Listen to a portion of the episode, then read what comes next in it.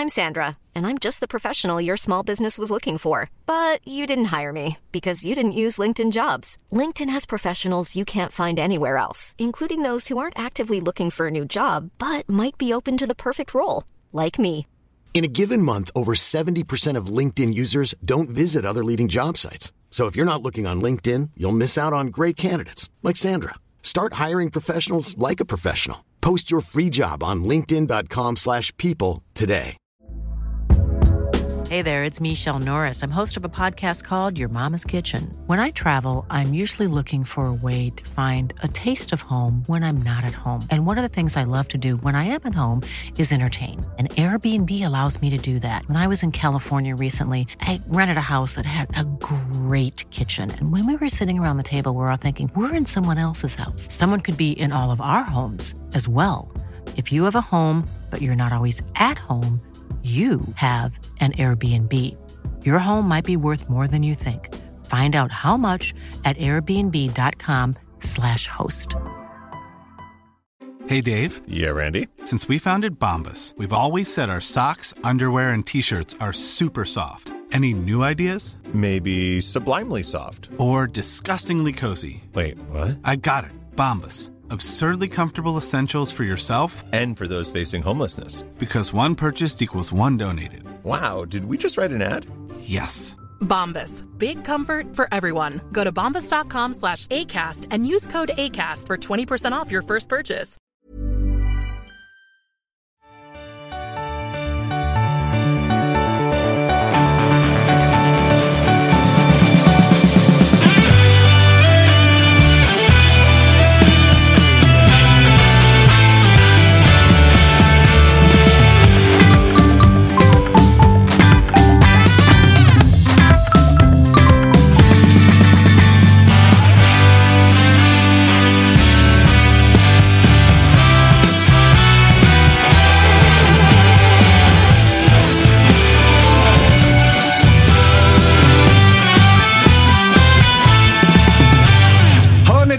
Är fredag den 3 mars. Ni ska vara oerhört välkomna till det som är Toto-svenskan. Vi har ett fullmatat avsnitt framför oss och det är god stämning i både chatt och studio, Kalle. Mm, Så är det verkligen. De har redan börjat... eh, Eller, det är en bajare som har börjat bråka. Alla andra verkar vara ganska glada där inne. Ja, men det, då, då är det ju som det ska vara. Då är det som det ska vara. En fredag. Eh, vi har, eh, som jag var inne på, ett fullmatat jävla program. Tapper är här. Välkommen. Tack. Mina lurar funkar inte, säger jag och tittar på Kalle, men det gör ingenting. Jag har det trevligt ändå. Det löser han under tiden vi pratar här. Du har varit ute på resande fot i veckan. Det ska vi prata om i det här avsnittet. Jag säger välkommen till Kalle Råstedt också. Vi ska Tusen ringa tack. Erabi. Mäktigt ju. Riktigt bra. Det är någon med lite vassare kropp än vad en annan har. Liksom. Åh, det är, fan. inte supersvårt, Åh, men ändå. Nej, nej, nej, nej. Jag, eh, och det var inte en passning mot dig, utan jag håller med. Det gäller Nej. även mig. Och det gäller i allra högsta grad även August Spångberg. Ja, så är det. Så är det. Det, är bara, det är bara att konstatera det. Det hade varit eh, sjukt om man satt på den, eh, den torson som Yusuf Erabi sitter på. Men det ska bli kul att höra vad han har att säga. Det ska det sannoliken bli och vi ska faktiskt göra som så att vi ska ringa honom på en gång. För att Bayern har eh, tydligen ett tajt och pressat schema, vilket gör då att eh, 14.00 var den tiden vi fick. Är det hans träningsschema då? Som... Han kör bänk mellan 14 och 17. Exakt. Nej, men det var någon, det var någon, eh, någon, av föreläsning eller någonting. Oh, Lite klart, vi får, eh, vi får se vad, vad det var. Men eh, vi, nu låter det som att vi har med oss eller? Det har vi va? Hör du oss eh, Josef Erabi? Jag hör er. Härligt! Välkommen till Toto-svenskan. Tack så mycket. Hur är läget? Eh, det är bra, tack själv då. Det är toppen. Vi har superfin eh, stämning här och är jävligt peppade på att eh, ringa dig. För vilken jävla succé det har varit här under kuppen. Yes. Bra, gott, bra start på, på, på eh, samtalet. Vad, vad säger du om eh, ditt eh, inledande kuppspel här då du har öst in mål? Jätteskönt faktiskt att få komma in och bidra, få göra mål. Eh, få hoppa in i en match framför fansen och få göra mitt första tävlingsmål. Det var otroligt skönt faktiskt. Det är ju många som har varit eh, oerhört imponerade över, eh, ja, men framförallt nästan din eh, fysik. Du har fått mycket lovord för att du har gnuggat hårt i vinter. Berätta, hur har träningsschemat sett ut? Nej, men träningsschemat har varit ganska mycket samma för alla. Vi har fått ett träningsschema där vi skulle skicka in eh, när, vi väl, när vi väl har utfört övningarna och massa sånt skit. Men eh, jag började lite innan och har kört mitt egna race också lite innan vi körde. För vi fick 12 dagar ledigt och det är för mycket ledighet för mig. Jag kunde inte sitta stilla hemma så att jag körde igång lite tidigare. Jag har alltid haft en sån kropp också. Tjena Eraboy, Kalle här, bajare. Jag menar ju på att ni kan ju aldrig haft samma träningsschema om man tittar på dig och Alper. Det är liksom helan och halvan i kroppsvolym. Du måste ha gjort något speciellt här, för så bitig som du är nu. Liksom. Det är, ja. Vad har du gjort på riktigt? Uh, jag tror mig eller ej, jag har varit så här uh, sen, sen jag var liten. Jag har alltid haft en ganska stor muskelmassa utan att ens ha behövt träna mycket eller gymma mycket. Men sen så har jag såklart byggt på mig också eh, genom åren. Eh, när vi har gymmat eller när jag har haft eh, försäsong och jag fått köra själv. Men annars så har jag inte gjort något speciellt. Vad, vad tar du i bänk? Jag bänkar 100. Ja, ah, tresiffrigt ändå. Mm. Det är lite Men 36 gånger 3 eller? Hur många rep gör du? Vad är det? det, men 100, bara... det räcker ju med en hundring. Alltså maxlyft är maxlyft. Fan, med den där kroppen. Det är ja, för fan, ja. Men du, eh, vad, vad, säger du annars om den här försäsongen? Då? Den har ju varit, eh, för oss som är eh, utifrån, så har ju många anmärkt, eller lagt märke till att så här, det har varit mycket spelare som har försvunnit. Det har varit en del spelare som har kommit in och väldigt många som har lyfts upp ifrån HTFF, där, där du har varit en av dem som har imponerat allra mest. Hur känner ni liksom i, i truppen? Har det tagit tid att lära känna alla eller har det varit enkelt? Eh, jag har ju varit där sedan förra året också. Eh, eller i stort sett två år nu har jag varit uppe i A-laget. Eh, så att jag har ett ganska starkt band med alla i A-laget redan sedan innan. Så att för mig har det inte varit, har det inte varit något nytt när det kommer till att lära känna folk. Så att jag har varit med dem ett tag nu och vi har kommit varandra ganska nära nu. Du har ju eh, gjort mål i både cup och träningsmatcher och sådär. Samtidigt så är det ju, och du är ju ung, herregud, men det är ju många eh, utifrån, men också en del Hammarbyare som är inne på att så här, fan, vi behöver värva kanske en anfallare. Medan vissa tycker att så här, nej, vi har ju eh, dig och, och eh, Saidi och, och eh, Mikkelsen och sådär. Känner du att du är redo att kliva in och vara startande anfallare i eh, Bayern den här säsongen? Eh, absolut, jag känner, mig, jag känner mig redo. Jag är alltid redo för att, att få chansen. Jag tränar hårt varje dag, varje vecka just för att få chansen och visa att jag är redo. Eh, för man vet aldrig vad som händer. Man vet aldrig om någon, någon tar på sig en skada eller någon blir borta ett tag. Man vet aldrig vad som sker. Så man måste alltid vara redo. Jag känner själv att jag har kommit eh, väldigt långt och utvecklat mig själv mycket mer eh, sen förra året. Det finns fortfarande mycket att jobba på men eh, jag känner att jag, jag är redo. Eh, det har ju funnits eh, liksom en, en kultur i Bayern av att släppa unga spelare ganska tidigt, ganska dyrt eh, utomlands. Tänker man redan på det även innan man, man ens kommit igång i allsvenskan? Liksom att, har du nästa steg i huvudet redan? Uh, nej, jag tänker, inte, jag tänker inte så långt. Jag tänker, bara, jag tänker bara på nästa dag. Jag tänker på vad jag ska göra bättre i klubben. Och att först och främst få chansen att få spela mer och imponera ännu mer och få förtroende av tränarna och ledarna. Så att det är inget jag har fokus på eller tänker på utan jag tänker bara på nästa träning nästa vecka. Josef, märker du av, för det, det jag också som utifrån då, tycker ändå att man märker en skillnad hur, hur Hammarby-supportrarna pratar om dig med tanke på du kommer från södra Stockholm, du har varit i Bayern länge, du är liksom en av Bayerns grabbar. Känner du av det själv i, i så kärleken du får från, från alla Hammarby-supportrar? Att, att det är någonting speciellt mer än att... Snarare, eh, om man jämför till exempel med, med eh, om, eh, om man värvar en spelare utifrån, till exempel när jag plockat från, ner från Balkan och sådär. Känner du av att, att det, är, det är en annan typ av kärlek gentemot dig? Eh, faktiskt, faktiskt. Alltså, den kärleken som fansen ger allmänt är helt otrolig. Men eh, när jag väl fick göra mitt första mål mot Brage så kände jag att det var en helt eh, otrolig känsla. Eh, när jag bara hörde alla fyra med mig, fansen skrika. Det kändes, det var så speciellt, det var jätteskönt och det kändes verkligen som att det var något speciellt mellan mig och fansen. Vad betyder det för dig idag? För att jag menar, du kom väl till eh, Bayern som typ 10, 11, 12-åring där någonstans och har gått liksom via Frej och via HTFF och sådär. Vad betyder det för dig nu när du får göra liksom, riktiga matcher och riktiga mål för, för den klubben du har tillhört så länge? Alltså, ord kan ej beskriva eh, om jag ska vara ärlig. Det, jag har ju gjort eh, några mål innan, fast det har bara varit på träningsmatcher och sånt. Och det är såklart att jag blev jätte, jätteglad då också. Men när jag väl fick göra mitt första tävlingsmål så var det något helt annat. Det kändes så äkta, det kändes så... Ja, jag, jag vet inte hur jag ska beskriva den känslan, men det var helt fantastiskt att få fira. Speciellt just också för att det var hemmaplan och fansen, alla var där och alla blev så glada för min skull. Och det var en otrolig känsla faktiskt. Det förstår jag. Du, en annan grej som jag tänkte på, att ni har ju en...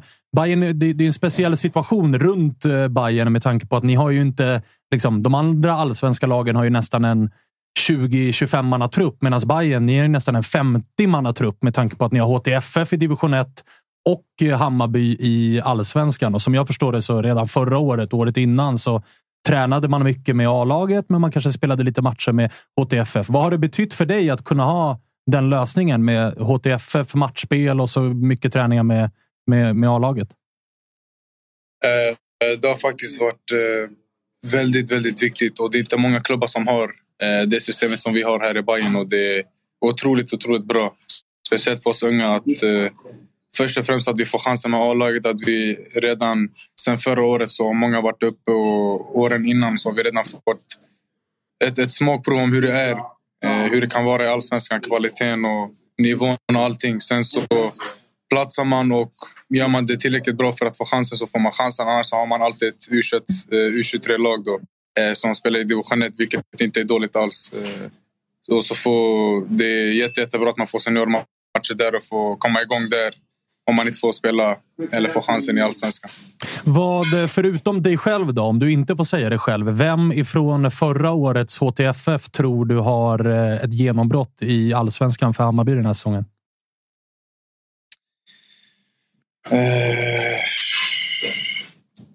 om jag ska ta någon som jag, eh, som jag inte fått höra många säga så skulle jag nog eh, säga eh, Marcus Karlsson gör det jävligt bra.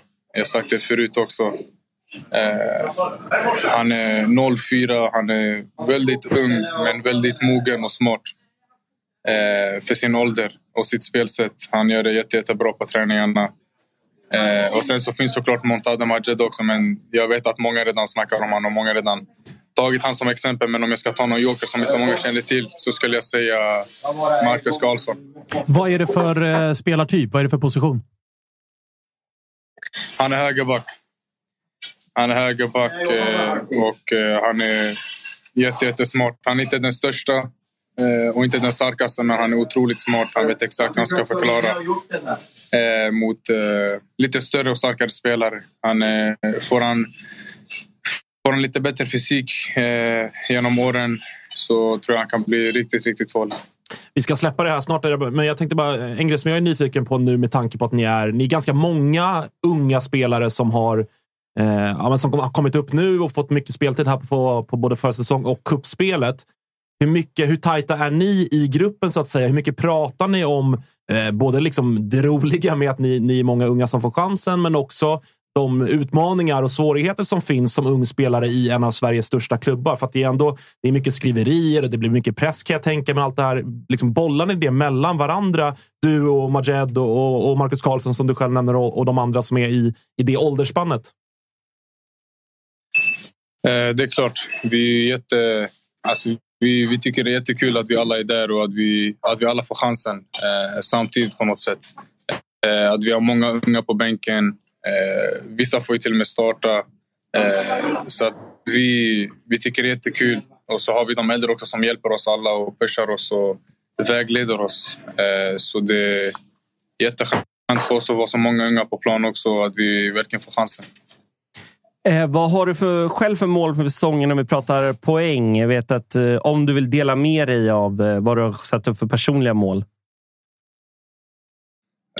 Eh, personliga mål, då skulle jag bara säga att jag vill eh, göra det bra varje dag och eh, varje vecka för att få mer speltid och få chansen mer och mer.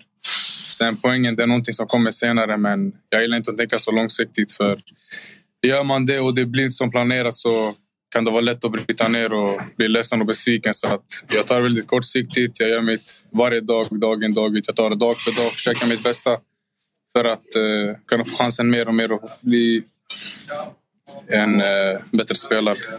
Fötterna på jorden. Det låter som en sund inställning, Josef. Du, eh, jag vet att du ska iväg här alldeles strax. Så att vi eh, tackar så mycket för att vi fick ringa och önskar dig eh, stort lycka till då i övermorgon. Giffarna hemma. Tack så mycket. Tack så mycket. Hej. Vi hörs. Ha det bra. Det märks att han har varit under Martin nu. Det är, liksom, det är en match i taget. Det är, Alltså, sen får vi se i slutet av säsongen. Det, det, det, det, det. Det, skaver ju i mig att 19-åringarna är mediatränade redan. Mm. Verkligen. Så är det. Så är det. Men, eh, men eh, det är väl också... Alltså, det blir ju lite klyschigt så när man pratar om så här dag för dag-grejer, men det är, väl också, det är väl också sunt att han tänker så. För att det han är inne på att eh, Liksom, jag tycker att vi supportrar tenderar att prata så jävla mycket. Och jag förstår att du ställer frågan Tapper, det här om har man redan nästa steg i huvudet och allt det här. Och det, det är säkert många som egentligen också har det. Och vi supportrar är bra att eh, det pratas redan. Jag såg att eh, om det var väl Ultrich, den gamla, den gamla Bayern-räven som var ute och pratade om att han spyr lite i munnen av att folk pratar redan eh, prislapper på de Mm. unga spelarna i Bayern och, och det, det är ju oaktat lag. Alla vi supportrar håller ju i någon mån på så. Eh, Men jag vill att- säga att jag hatar också den grejen. Ja, ja, ja, jag Men därför, du- lite därför man ville slänga in frågan och se Exakt. hur, hur spelarna ser på det. För att det värsta jag vet är när man får en ny bra spelare och första reaktionen är oh, det här borde vara 30 millar. Exakt. Alltså, det, det blir ju skevt. Och, Borde man inte så här tänka oh, det här kanske borde vara en Europaplats? Oj, det här kan bli Liksom. Men det är också så här, tittar man nu de senaste åren, det är då vi börjar prata så. Innan Ja, så verkligen. tänkte man inte så Nej, överhuvudtaget. absolut inte. Det, det, alltså, det är så... Tr- ja. Fan, jag tycker att det, det var bättre förr. ja, men det är så. Det är en deppig... Det är, på tal om klyschor. Men alltså, klyschor finns ju också av en, anledning. anledning. De stämmer alltså. Ja.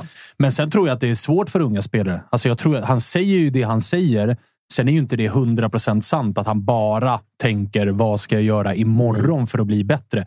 Ingen ung spelare, utan jag tror att de snarare brottas ganska mycket med att liksom dämpa sig själva, inte sväva iväg. Men det är klart att han också tänker att wow, håller jag på att få mitt genombrott här nu?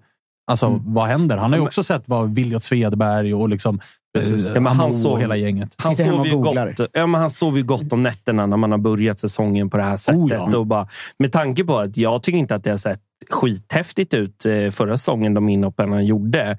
Men den tajmingen han har den här säsongen, jag skulle säga det är avgörande för att han ändå har eh, lyckats att göra sex baljer nu på försäsongen. Det är att han har en helt annan timing och bättre beslutsfattande. Eh, och Det är väl det jag skulle säga han har utvecklat mest. Eller det vi har fått sett. Vi har inte fått sett så mycket av honom som vi har gjort den här säsongen. Liksom. Jag tycker att eh, grejen med honom nu är att så här, man, har, man har hela tiden den här brasklappen nu som vi måste ha varje avsnitt. Att så här, träningsmatcher och sämre motstånd och bla bla bla. Men jag tycker att man ser att det är en bra anfall. Alltså det, sådana tendenser kan man ändå se.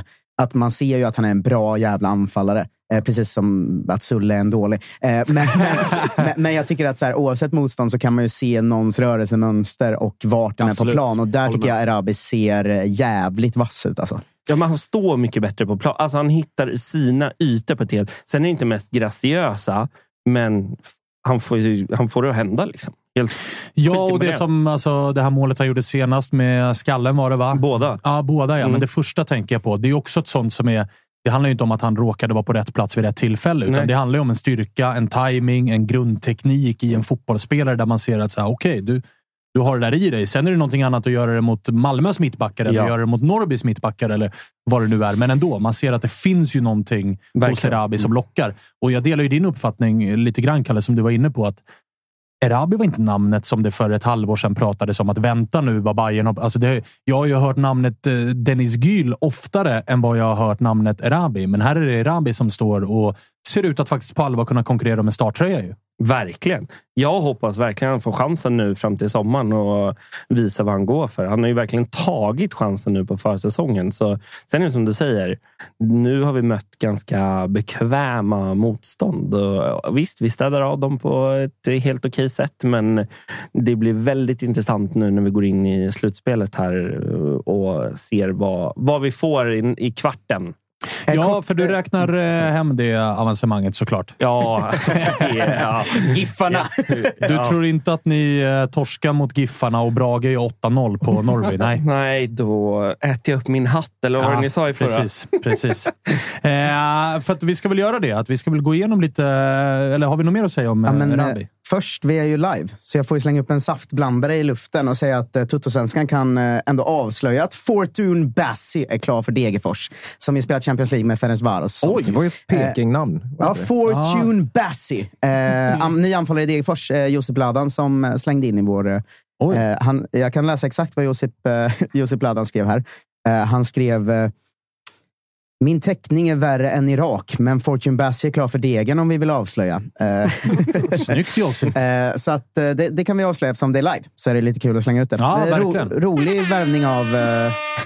Rolig värvning att Degen drar in en jävla Champions League-anfallare ändå, får man säga. Ja, det, den är, de fortsätter göra spretiga värvningar. Men, ma- Ja, man undrar hur scoutingen har gått till där egentligen. känslan i magen är ju bra.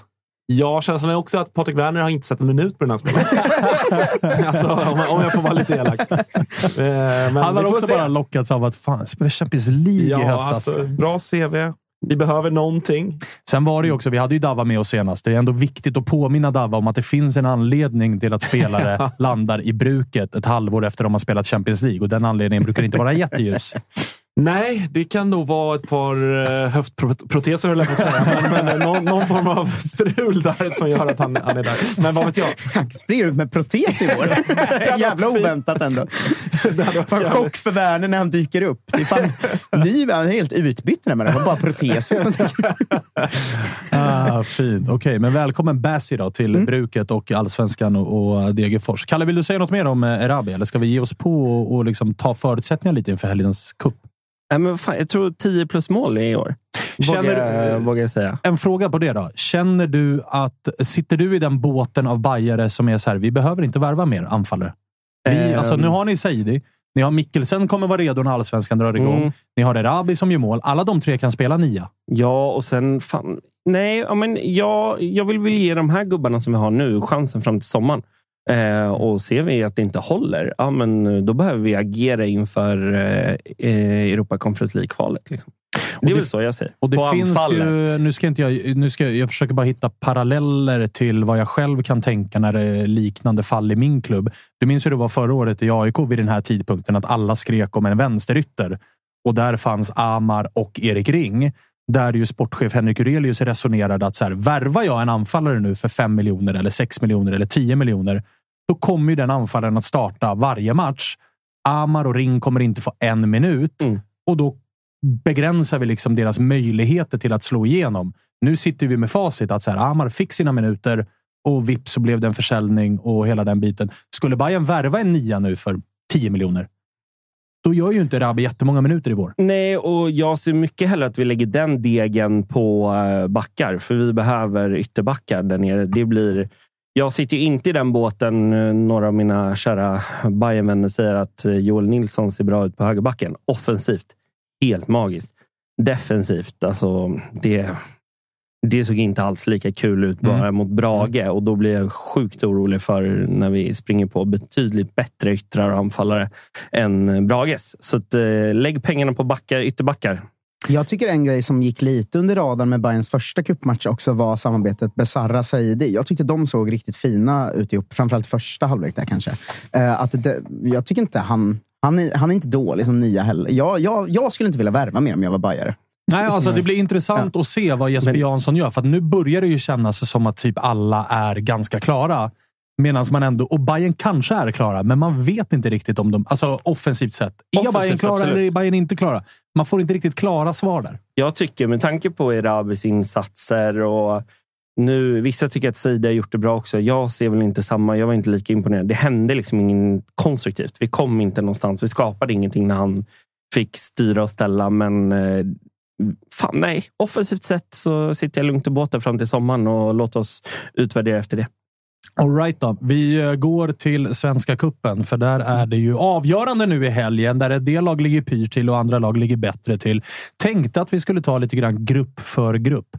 Kanske liksom eh, framtidstippa lite grann, men också kanske lite så här, vad har vi tagit med oss och lärt oss av den här gruppen hittills? I grupp A har vi ju de regerande mästarna BK Häcken som spelar gruppfinal mot Halmstad i helgen. Och nu såg jag precis innan vi klev in att det är en ny skada i Häcken på Franklin Tebow.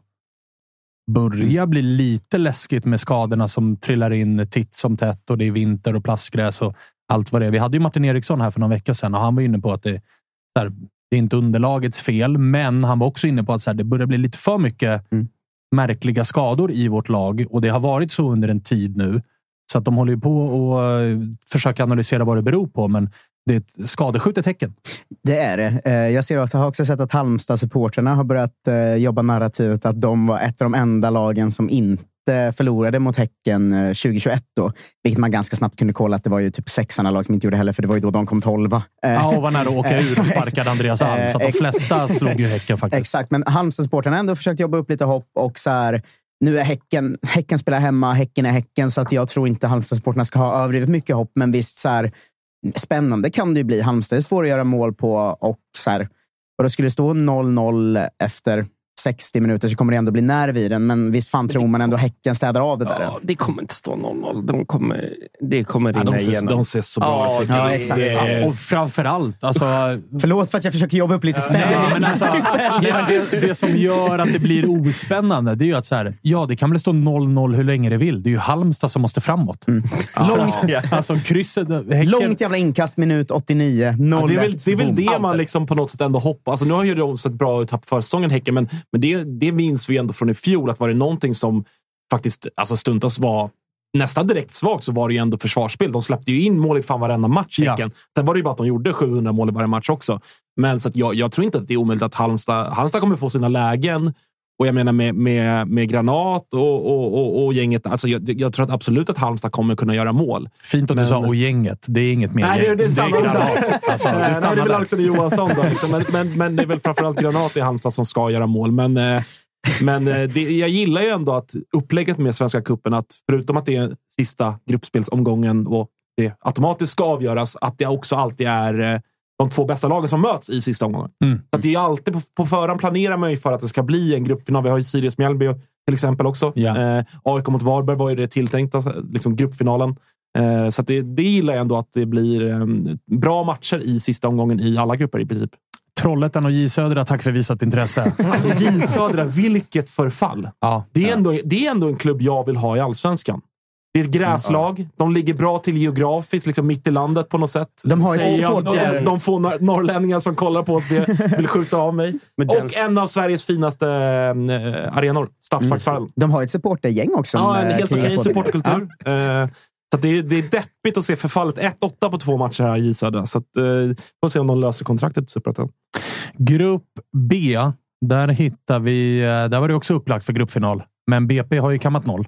Eh, torsk mot både Örebro och Landskrona gör att Djurgården leder gruppen på sex pinnar. Djurgården som fick slita lite grann för eh, segern borta mot Örebro senast. Men den segern gör ju också att de kan promenera hem gruppen. De är klara. Örebro vinner ju inte med sex mål. liksom, sista Nej, matchen. det är, det, är, det är väl det. Ja. Alltså, de behöver vinna med 5-0 om Djurgården skulle torska med 1-0. Mm. Och då, det händer ju inte. Det blir intressant att se, tycker jag, ändå generellt. Vi pratade lite om det här, mm, Kalle också, liksom Bayern som ju är i, i princip en lik, likadan situation som Djurgården och, och ett par klubbar till. Där man så här, ja, gruppsegern är klar, det vet vi. Men det här liksom bästa etta-aspekten finns. Och då framförallt i, fallet Djurgården tycker jag att det är intressant hur de kommer välja att prioritera matchen mot BP. Med tanke på att de också har en Europamatch som väntar. Ja.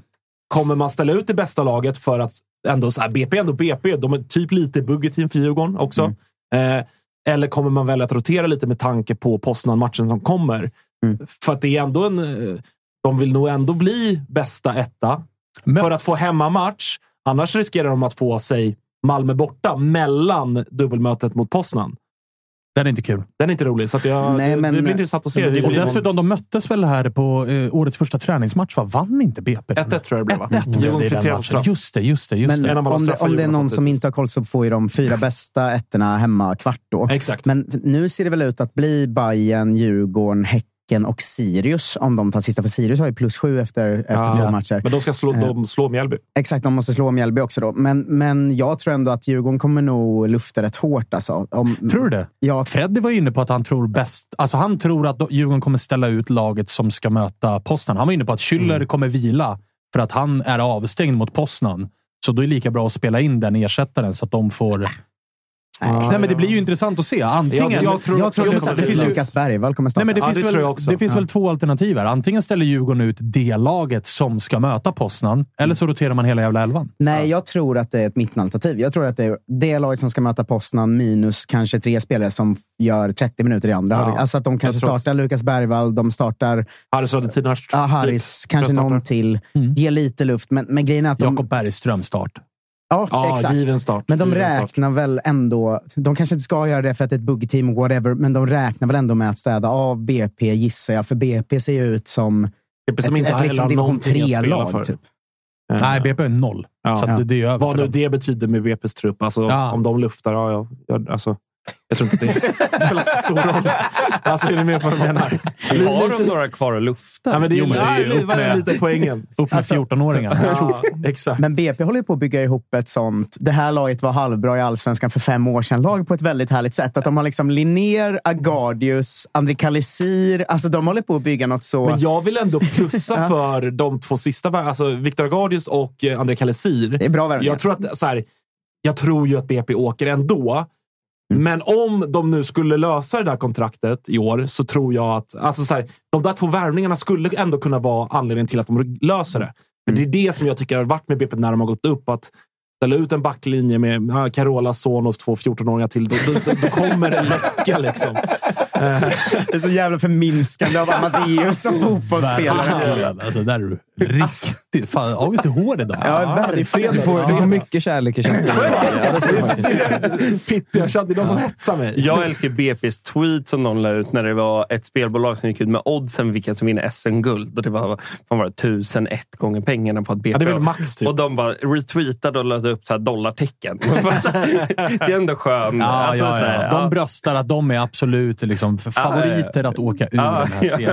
Jag De har gillar, ju, jag gillar ju BP när de ska pusha upp för sina övergångar nu. Alltså som alla klubbar ska göra. Vi ska lägga ut någon fet liten teaser. Och sen ska det, men de lägger ju alltid upp så här bara 10 minuter innan. Så här, Klockan 18 händer det något. så lägger de upp 17.50. Ingen hinner se tweeten innan övergången är ute. Nej, nej, nej, nej. Det känns så himla... Jag älskar fan BP. Det är mitt gäng i år. Ja, du börjar ju mer och mer släppa ditt eget. Men hörni, till, Ja, eh, skit. till, till eh, grupp C, där ju Bayern avslutar hemma mot eh, Giffen. Och med tanke på hur Giffen såg ut, ser ut så ska det inte bli någonting annat än tre poäng. Och vi pratade om det precis innan, att det behövs ju typ tre poäng också för att alltså, säkra hemmaplansfördel i, i match två. Så det är väl... Och ni ska inte spela någon jävla Conference League-slutspel, så det är väl bara att ställa ut det bästa ni har. Nej, men jag ser gärna att vi får titta på några nya spelare som inte riktigt har fått chansen och lite mer gör den att ja, visst står det 0-0 efter 60 minuter. Gör fem byten och lyft in de ordinarie gubbarna. Jag skulle jättegärna se typ som en spelare som Alium från start och jag skulle vilja se Ajay från start och låta de gubbarna som faktiskt kommer eventuellt få chansen vid eventuella avstängningar och skador längre fram i säsongen. Att de också får, får känna på det och kliva ut inför eh, ja, nu nästa, jag tror att det var 21 000 sålda till på söndag. Så, ja. Så lite rotation tror du ändå kommer Ja, i- eller tror. Det var jag. Alltså, Ja, du vill jag, ja, Du ja, vill se. precis. Jag har ingen aning om vad Mr. Cifuentes tänker, men det var jag skulle vilja se. Eh, Erabi startar väl? Ja, han hänger väl fyra, va? Ja, är sån, sån medstäm där borta. Fan, kan, det bli, eh, kan det bli tvåsiffrigt den här matchen? Ja, Kanske det vi ska gå för rekord. Ja, men Häcken vann väl någon med typ 11-0 förra året? va? det var väl det där kvalet. Ja, det var kvalet Alltså kanske. kvalet till kuppen. Ja, jag tror jag. för mig att de hade någon sjuk match Årets i bäst, gruppen finaste också. match varje år. Ja, det är det. Kvalomgången mitt i augusti där. Ja. Mm. Måndag division 2 och 3 gäng så jävla fint. Alltså. Men alltså, det känns ju som att eh, det man har sett av Giffarna så ser ju de eh, tio gånger sämre ut än förra året. Och förra året var de det sämsta fotbollslaget jag någonsin har sett. Eh, Så att det, det känns ju som att om Bayern dessutom kanske startar så, säg att man ger Majed en start och Erabi startar fram och sådana som är jävligt hungriga nu. Alltså det, de kommer inte sluta för att det står 3-0 efter 30 minuter. De kommer ju kötta på. De ska visa upp sig nu. Liksom. Jag kan se en djävulens slakt alltså, i helgen. Det hade varit kul. Ja, vi får se. Eh, gruppen lever i alla fall. Det ska ju, det ska ju Ja, fast sägas. där är ju... Ja, Ja, men det den, den, den semilever liksom. ja. Just det, Brage vinner med sex mål. Ja, det är det jag menar. Och Bayern torskar Det kan de ju göra. De rad. möter ju Norrby. Ja, det är sant. Så Martin, jag var, inne och kollade på tal om Sundsvall. var inne snabbis på Martinssons, eh, Martinssons Twitter. Ja, det är ljus. Det, är inget ljus. Så här, det finns så mycket att säga, men jag orkar inte ens börja prata om GIF Sundsvall idag. Det, det, är, Ja, det är liksom, mörkt, det, är, alltså. det är en tweet och sen här, här är en annan. Eh, ska se om jag hittar De har ju den. fortfarande vintertid där uppe också, så att det är riktigt Ja, här, mörkt. Alltså. här kom för en timme sedan, så nu vet jag inte vad som har hänt. Det hade varit festligt om vi hade en sekund åtminstone där inte alla våra spelare får livshotande skador. Vad är det som pågår? De hade väl bara fy... Eller de, de hade ju Ja, till slut... Dennis Olsson drog väl korsbandet. Ja, Vänsterbacken för någon vecka sedan. Ja, men förra matchen hade de väl bara fyra på bänken. Ja, det, mörkt. Varav en var någon vad Gibril mörkt. During. Så man bara, vem fan är du? Ja, han kommer ju gå till GIF, eller till Peking i och för sig, eh, bara på grund av namnet. Eh, hörni, grupp D då. Kalmar står på sex pinnar, möter Mm. Helsingborg i sista matchen där Helsingborg står på tre pinnar. Kalmar har plus fyra i målskillnad, Helsingborg har plus tre. Så att skulle Helsingborg ta ledningen med 1-0, då är det Helsingborg som vinner gruppen. Spännande ändå. Där är det ju spännande på riktigt. Kalmar ser ju fortsatt, alltså som att de ändå hållit i, att de ser ju ganska bra ut. Däremot ser de ju faktiskt ganska skakiga ut också. Alltså, det, de släpper till lite för mycket lägen, men jag tycker de ser också spelmässigt och offensivt bättre ut än jag trodde. Alltså, det är ju många som tänkte att nu faller Kalmar fullständigt när som Oliver Berg när Nasir Rydström försvann. Sådär. Jag tycker ändå att det ser helt okej bra ut, men det ser jävligt skakigt ut bakåt. Så Helsingborg kan mycket väl få in ett tidigt mål. Alltså. Ja, och Kevin Jensen hade vi ju med oss här förra veckan och han var ju inne på att så här, vi ska bli lite rakare, vilket nog är en ganska klok tanke mot att vara det possession-lag man var förra året. Det kanske man inte riktigt har i sig den här säsongen med tanke på att man också tappar Oliver Berg. Men det är ju som du är inne på, alltså det är en del nytt. Det är en ny tränare. Alltså tar Helsingborg ledningen med 1-0 på bortaplan och kan börja grisa och hålla på. Då ser vi väl ändå en potentiell skräll här där Helsingborg kniper första platsen. Mm, absolut. Eh, de släpper två hemma mot Trelleborg också. Exakt. Alltså, det är inte omöjligt att Helsingborg gör ett mål. Det jag menar. Ur en Bayers perspektiv så absolut. Jag åker hellre till Helsingborg än till Guldfågeln. Det är ju våran... Alltså, Ja, ni hatar ihåg. ju Guldfågeln. Ja, men alltså, jag kommer inte ihåg när vi vann i Kalmar senast. Det måste ha varit typ på Fredrik Skans. Liksom. Det är alltid att man tänker att Kalmar är hyfsat nära, men det tar fan ett år att ta sig Ja. dit. Det är ju de här jävla tvåvägarna. ja. Det tar När- hundra år När alltså. man svänger in där från Peking, det är mardröm. Ja, men då tänker man ju vägen. att man är nära. Ja, ja, det är så här, det är så långt kvar. Vad kan det vara kvar? Sju, åtta timmar? Om det räcker. Alltså, man får göra som eh, när jag åkte hem därifrån efter att AIK bärgade guldet. Man får göra som Niklas Maripo, nämligen att köra rakt över en rondell. Han glömde, han glömde den skylten att det kommer en rondell. Kör runt. Okej. Ja, den körde rakt fram genom den. Det funkade det också. Sparade vi kanske tre sekunder på. Gick det lite fortare. Men Eh, eh, jag har ju det sista scenariot. Ja. Helsingborg vinner med 1-0. Trelleborg möter ju Onsala i sista matchen som har varit helt värdelösa. Just Om det. Helsingborg vinner med 1-0 och Trelleborg vinner med tre eller fler, då är det Trelleborg som vinner gruppen och går vidare. Oj, det är inte Oj. omöjligt. Onsala är ju riktigt Ja, dåliga. det är inte Ja. omöjligt. Nej, men vadå 1-0 till Helsingborg och 3-0 till Trelleborg? Det, det ser man ju framför sig. Ja. Ja, och vadå? Ja, ja, ja, jo. Alltså, Trellehulken där i Ja, fy kvartsfinal. fan alltså. vad mäktigt ändå. Shit, alltså det... Ja. Den, eh, Trelleborg. Vilken... Alltså då, kommer det sitta ett par, då kommer det sitta fyra lag och hoppas. Ja. Alltså för de fyra, gruppett, de fyra bästa gruppettorna vill ju ha Trellehulla vet så ni vilka som Så givetvis får dem? Diffen. Det är en sån härlig liksom, allsvensk serie vi följer. Allsvenska serien vi följer när åtta lag går vidare från gruppen. Tre av dem är Västerås, Trellehulla och Gais. Det är så jävla deppigt. August har ju redan sitt eh, scenario klart. Han vet ju hur det här kommer gå. Djurgården eller Bayern drar Trelleborg Ja. och AIK får Malmö borta. Ja. Det väl så du... Ja. ja bra. Men vi ska väl Jag- gå jag till såg- nästa grupp, för där har vi ju också ett lag, allsvenskt lag som inte går vidare väl? Ja, där har vi absolut darr på ribban för en favorit och det är ju AIK som befinner sig i grupp E. De leder gruppen på fyra pinnar plus tre i målskillnad. Möter Varberg hemma på Skytteholm. Samtidigt då så spelar Västerås hemma mot Östersund. AIK har ett mål att gå på. Ja, och det är ju eh, ett eller två mål för lite för att man ska känna sig helt, helt bekväm. Så är det med tanke på att... Alltså så här, jag, jag är tämligen övertygad om att AIK kommer slå Varberg. Mm. Det, det, det tror jag verkligen, för att jag tycker att Varberg ser så pass dåliga ut.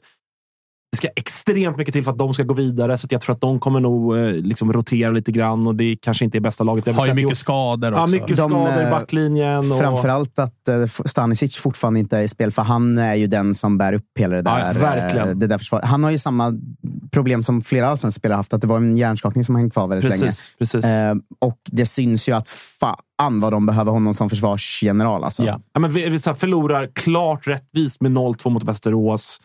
Mm. Jag tror att Varberg får en väldigt tuff säsong. så. Att jag tror verkligen att AIK kommer vinna. AIK kommer göra sitt, men det är inte ofta AIK går ut och gör 3, 4 och 5-0 mot klart sämre motstånd. Så det tror inte jag att man kommer få se. Mm. Och då finns ju också aspekten på tal om lag som är utcheckade. Östersund, ingenting att spela för. Västerås ser väldigt bra ut. som, som, som ser ut som Real Madrid. Alltså så här, på hemmaplan. Jag tror att det kan stå liksom 2-0 där tidigt och då, det kommer ju såklart också AIK bli, bli underrättad om.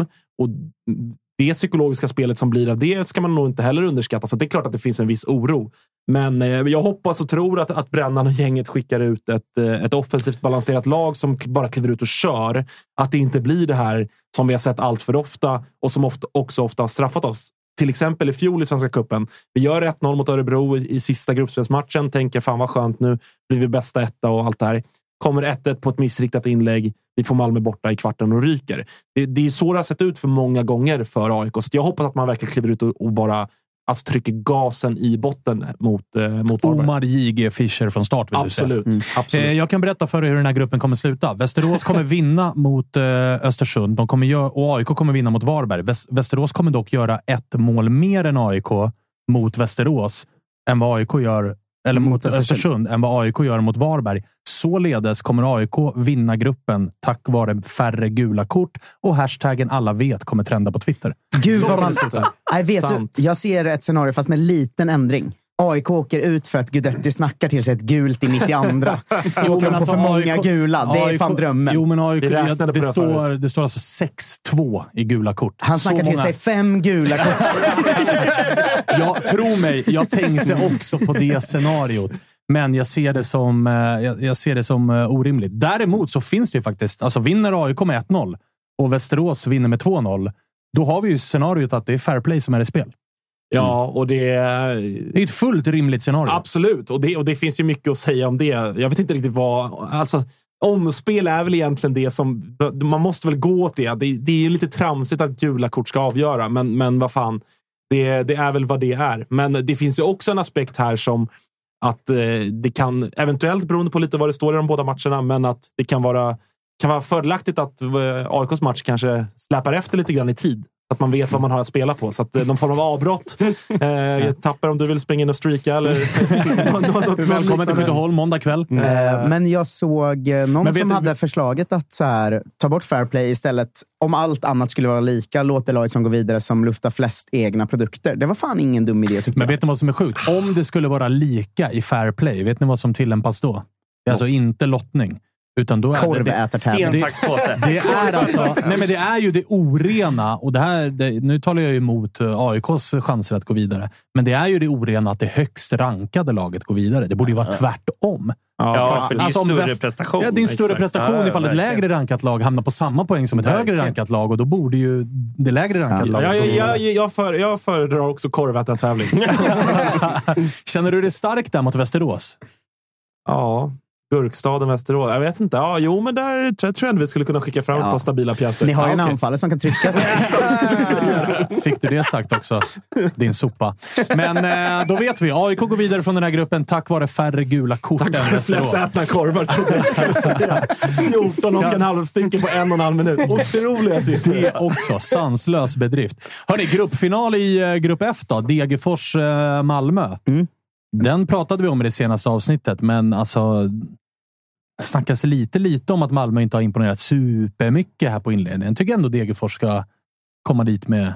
Liksom, Har vi mån, är det här den objektivt sett tråkigaste gruppen? Inte liksom inför avslutningen, men, men liksom, om man kollar bara på statistiken här. Det är 3-0, 3-0, 0-3, 0-3 målskillnad på de, tre, på de fyra lagen. ja. Ingen sprudlande fotboll som har spelats Nej, det i är de här inte. matcherna. Det, är får man inte. säga. Det är det inte. Där är ju faktiskt... Eh, nej, om det blir lika, då har vi att göra med fair play. Ja, då åker Ja, Malmö då för åker Malmö tog för rött. Peña. Peña tog rött. Så Degerfors med lilla bussparkeringen. Alltså, jag, tycker att, jag tycker att det luktar lite skrällvarning här. Jag tycker att, också det. att Degen löser krysset. Ja, alltså det är ju inte De skickar omöjligt. in hans Access eller uh, vad heter han? Fortune. Fortune. Fortune. Exakt. Mm. Eh, så från start direkt. Men alltså, Degerfors är ju Jo, men ändå alltså, ett lag Mal- som kan gå och försvara till sig kryss. Alltså, det, de, det är ju inte omöjligt. Ja, och jag menar Malmö är svinnöjda med att ha... Du vet, de spelar 0-0, men de har 83 procent bollinnehav och är såhär, ja, processen, vi, vi är inne i den. Alltså, det är väl inte orimligt att, Alltså, de, det- att det blir 0-0? Alltså, tänk om Malmö, AIK, Kalmar, IFK Norrköping, Blåvitt ryker i gruppen. Det är ju inte ett omöjligt scenario. Fy fan vilken skitcup alltså. Alltså. Jo, men alltså på riktigt. Det, det- titta på ställningen. Prata om Gnaget och MFF. Det är ju för er det här är absolut viktigaste. För Bayern, Djurgården och Häcken, vi är på det torra liksom, i Europaspelet. Och att ni inte har sex poäng båda två. Det är, alltså, eller att det är, det är så jämnt. Det nej. Ja, nej, nej. Alltså, det, det skriver jag under på. Sen vet inte fan, alltså, så mycket som eh, den där cuptiteln ni vann senast. Ni firar väl den fortfarande, så att kuppen är viktig för, även för er. Ja, absolut. Som titel. Självklart. Ja.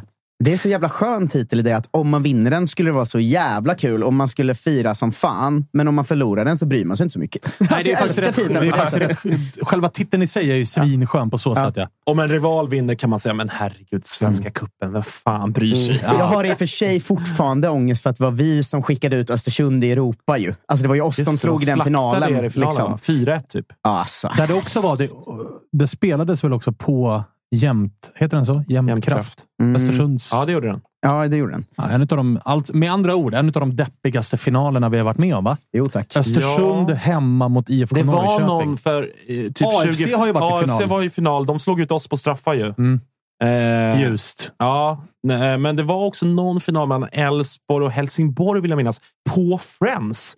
Mm. Typ en måndag. Alltså när det är helt Blå. Blåvitt har väl spelat Blå- final? Blåvitt var alltså Helsingborg. två- Typ. 2600 pers på plats Ja. typ. På liksom deppiga Friends som det är. Och, Mm. nej, jä- jävligt märkligt. Det har varit många ganska dåliga cupfinaler eh, under åren, får man säga. Men vi ska väl säga att Malmö borde gå vidare. Men vi ser att Degerfors kan göra det. Ja, ja, verkligen. Malmö är såklart storfavoriter. Men du, eh, Grupp G då, Tapper. Där är ditt Peking. Ni leder gruppen just nu på fyra pinnar. Möter Blåvitt, men där Mm. bakom är väl storfavoriten.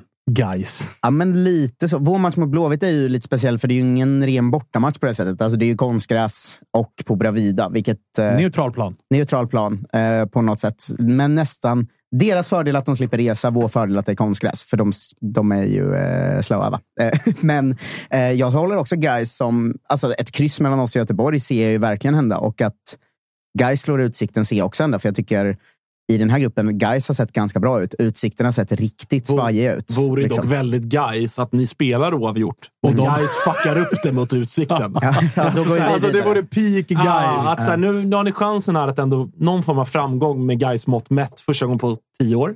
Ja, och fan, de var i division 1 förra året. Exakt. Och att de ändå strular till det. Men vi har ju den, det är ju förutsättningen. Slår vi Blåvitt går vi vidare. Slår Blåvitt oss med mer än Gais slår Utsikten går de vidare. Eh, kryssar vi och Gais vinner går de vidare. Så det är en ganska öppen grupp inför sista. Eh, och ganska ovissa matcher också. Alltså både vi och Göteborg ser riktigt svajiga ut. Så att, Och eh, sen är det väl lite så här press på Glenn med tanke på vad han pysslade med senast. Alltså han vaskade ju en seger mot, eh, vad fan heter de nu, Utsikten. Ja. För att så här, nej, men jag ska rotera laget Mm. inför Blåvitt borta. Ja, då vill det ju till att du slår Blåvitt nu, annars har du gjort bort dig fullständigt. För hade han ställt ut bästa laget mot Utsikten, ja, då hade det ju räckt med krysset här. Ja, det, det känns som att den pressen finns. Jag tycker det är rätt mycket press åt båda håll. Där. Jag bör, börjar se Stare-pressen finnas eh, och Glenn-pressen finnas. Liksom. De har vi ju varit tidiga Eh, på. de att vi- det är ju ja. två som inte sitter... De kommer inte bo i Norrköping respektive Göteborg för evigt, de där två tränarna. Eh, Troligtvis inte Här, här har vi ut. olika tankar, för jag tror att de har satt så jävla mycket värdering i Glenn. Så att jag tror inte han sitter lös. Men däremot har supporterpressen eh, sitter ju ganska hårt på honom nu. I vilket fall, hur man än ser på det. Så att eh, det kommer nog bli en... Det är två dåliga försvar också. Göteborg har ju liksom... De kommer starta med Hausner som ena mittbacken som har gjort vadå, 40 minuter i en träningsmatch och inte spelat något mer. Och ingen vet hur han kommer se ut. Och de har ju också sin, sin andra målvakt i, i mål ju, eftersom, eh, eftersom Pontus är skadad. Eh, och vårt försvar, eh, båda våra ordinarie mittbackar ska ju vara borta i helgen också, så det kommer väl vara Peppra eh, igen där. Så att det, Bolmar då? Nej. Nej. men Bolma är nog inte så nära startelvan. Eh, han känns som han kom... Kanske inte mittback heller. Nej, han är inte mittback heller. Nej. Men han kom lite som en plus en Bolma. Men det känns som det kan bli liksom allt ifrån 4-0 till 0-4 till 3-3 mellan oss och IFK Göteborg. Eh, Det enda man vet säkert är att inget av lagen, eh, inget av lagen håller noll. Eller det kommer inte vara så en 0-0 match. Det ser jag. Ah, okej, fall. Det är två för svajiga försvar. Men eh, vi håller väl en tumme för guys. Allihopa. Absolut, absolut. Ja, det är fan jag med. Jag unnar dem det. Lucky Kalle här borta. Göteborgs enda lag. Ja, verkligen. Eh, hörni, vi avslutar med Grupp H där low key Sirius smyger med. Alltså vinner de mot Mjällby i sista, given liksom en av fyra bästa ettor. Alltså plus sju i målskillnad på två matcher. Och ser ganska bra ut. Ja, men alltså, ingen har nämnt och pratat om Sirius och det är ju också en liten örfil till oss Mm. som tre gånger i veckan ska prata om eh, Svenska cupen och allsvenskan. Typ inte ens nämnt att Sirius står på sex poäng plus sju i målskillnad. Kommer garanterat räcka med en 1-0-seger här och så är man liksom hemmaplansfördel i en kvartsfinal. Nio Mm. pinnar.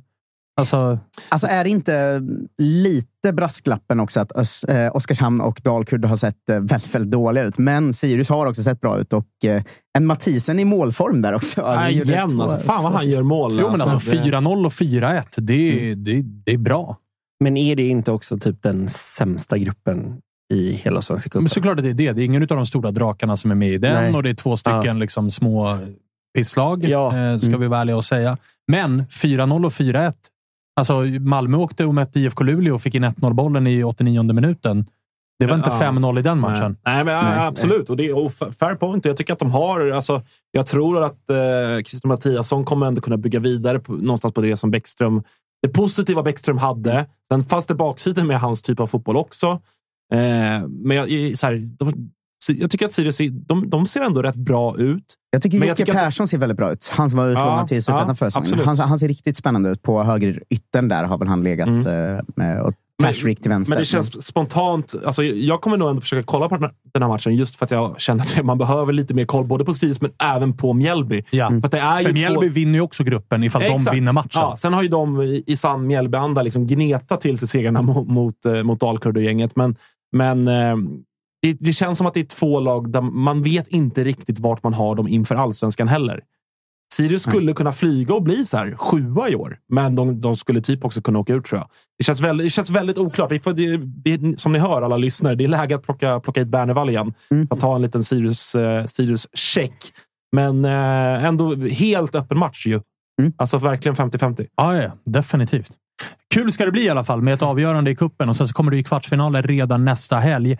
Glöm för guds skull inte att ni ser allt detta på Simor. Så in och skaffa er ett abonnemang så missar ni ingenting ifrån den fina, fina, fina svenska kuppen. Och sen så kommer det också en allsvenska. Den kan man också se via Simor. Så Discovery Plus sändningar ser man även med sitt simor abonnemang Så att in och skaffa det. Hey, I'm Ryan Reynolds. At Mint Mobile, we like to do the opposite of what Big Wireless does. They charge you a lot, we charge you a little. So naturally, when they announced they'd be raising their prices due to inflation, we decided to deflate our prices due to not hating you. That's right. We're cutting the price of Mint Unlimited from $30 a month to just $15 a month. Give it a try at mintmobile.com slash switch. $45 upfront for three months plus taxes and fees. Promo rate for new customers for limited time. Unlimited more than 40 gigabytes per month. Slows. Full terms at mintmobile.com. Many of us have those stubborn pounds that seem impossible to lose, no matter how good we eat or how hard we work out. My solution is PlushCare. PlushCare is a leading telehealth provider with doctors who are there for you day and night to partner with you in your weight loss journey. They can prescribe FDA-approved weight loss medications like Wagovi and Zepbound for those who qualify. Plus, they accept most insurance plans. To get started, visit plushcare.com slash weight loss. That's plushcare.com slash weight loss. Since 2013, Bombas has donated over 100 million socks, underwear, and t-shirts to those facing homelessness. If we counted those on air, this ad would last over 1,157 days. But if we counted the time it takes to make a donation possible, it would take just a few clicks. Because every time you make a purchase, Bombas donates an item to someone who needs it. Go to bombas.com slash ACAST and use code ACAST for 20% off your first purchase. That's bombas.com slash ACAST, code ACAST. Nu börjar vi närma oss ett nytt samtal. Vi ska ringa Fredrik Söderberg, vice vd i AIK. Det ska vi göra om tio minuter. Innan det så tänkte jag att vi kanske ska avslöja, Marcus Tapper, vad det är du och Jocke gjorde här i veckan. Ja, vi eh, var ju i Varberg i, i onsdags, av alla ställen man kan vara i. Uh, lite dåligt planerat som vanligt. Jag var ju i Borlänge och uppträdde dagen innan, så det blev ju 05.00 tåget eh, eh, till Göteborg. Eh, där jag mötte upp Jocke och vi var och spelade in vad som blir avsnitt ett av Tuttosvenskans nya grej. Då, va? Att vi på söndagar kommer släppa längre intervjuer, porträtt, långa sittningar med de största allsvenska profilerna. Vi alla vet ju vilket vilket schema som är upcoming. Det håller vi lite hemligt, men de första... Det är inte dåligt. Alltså det är såna starka namn. Vi försöker hitta de starkaste namnen i varje klubb och sen åka ut och, och prata med dem i princip.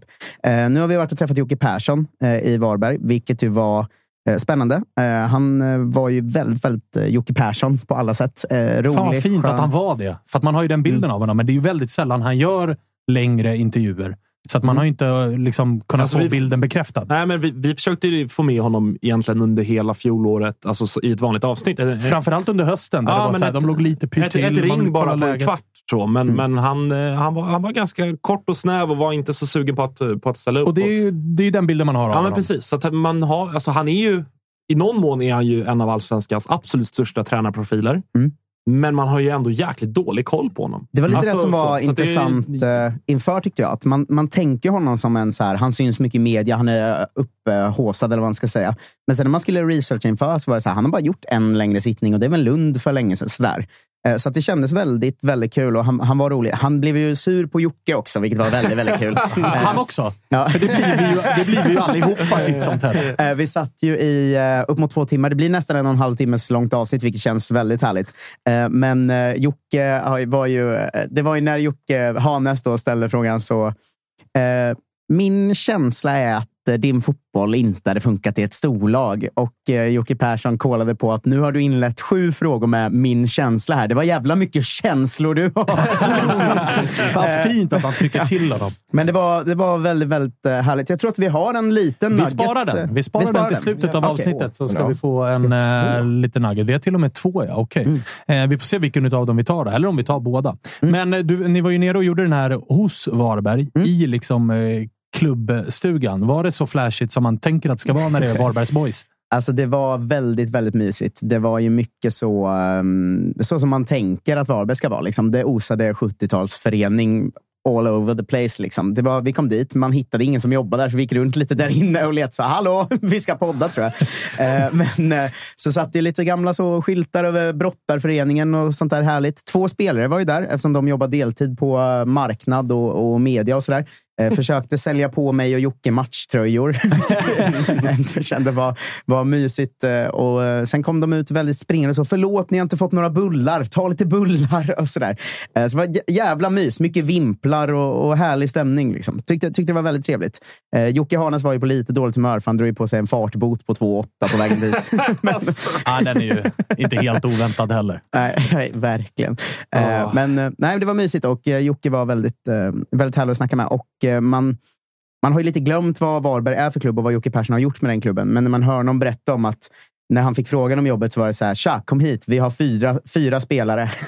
Verkligen. Men ändra, ändrades, nu har vi pratat lite Varberg inför matchen mot AIK på måndag, men ändrades din, liksom, rent sportsligt, tänker jag, känslan och, och, och tron på något sätt på Varberg den här säsongen? Fick du någon känsla kring det? Att fan, de löser det nog ändå efter ditt snack med honom, eller vad, vad känner du kring det? Men lite både och. Alltså känslan är kvar i att de kommer få det jävligt tufft. Eh, samtidigt så märker man ju när man är där att de känner sig liksom trygga i att vi kommer gneta, vi kommer vara jobbiga och vi kommer knipa den där jävla 12-13 platsen liksom till slut.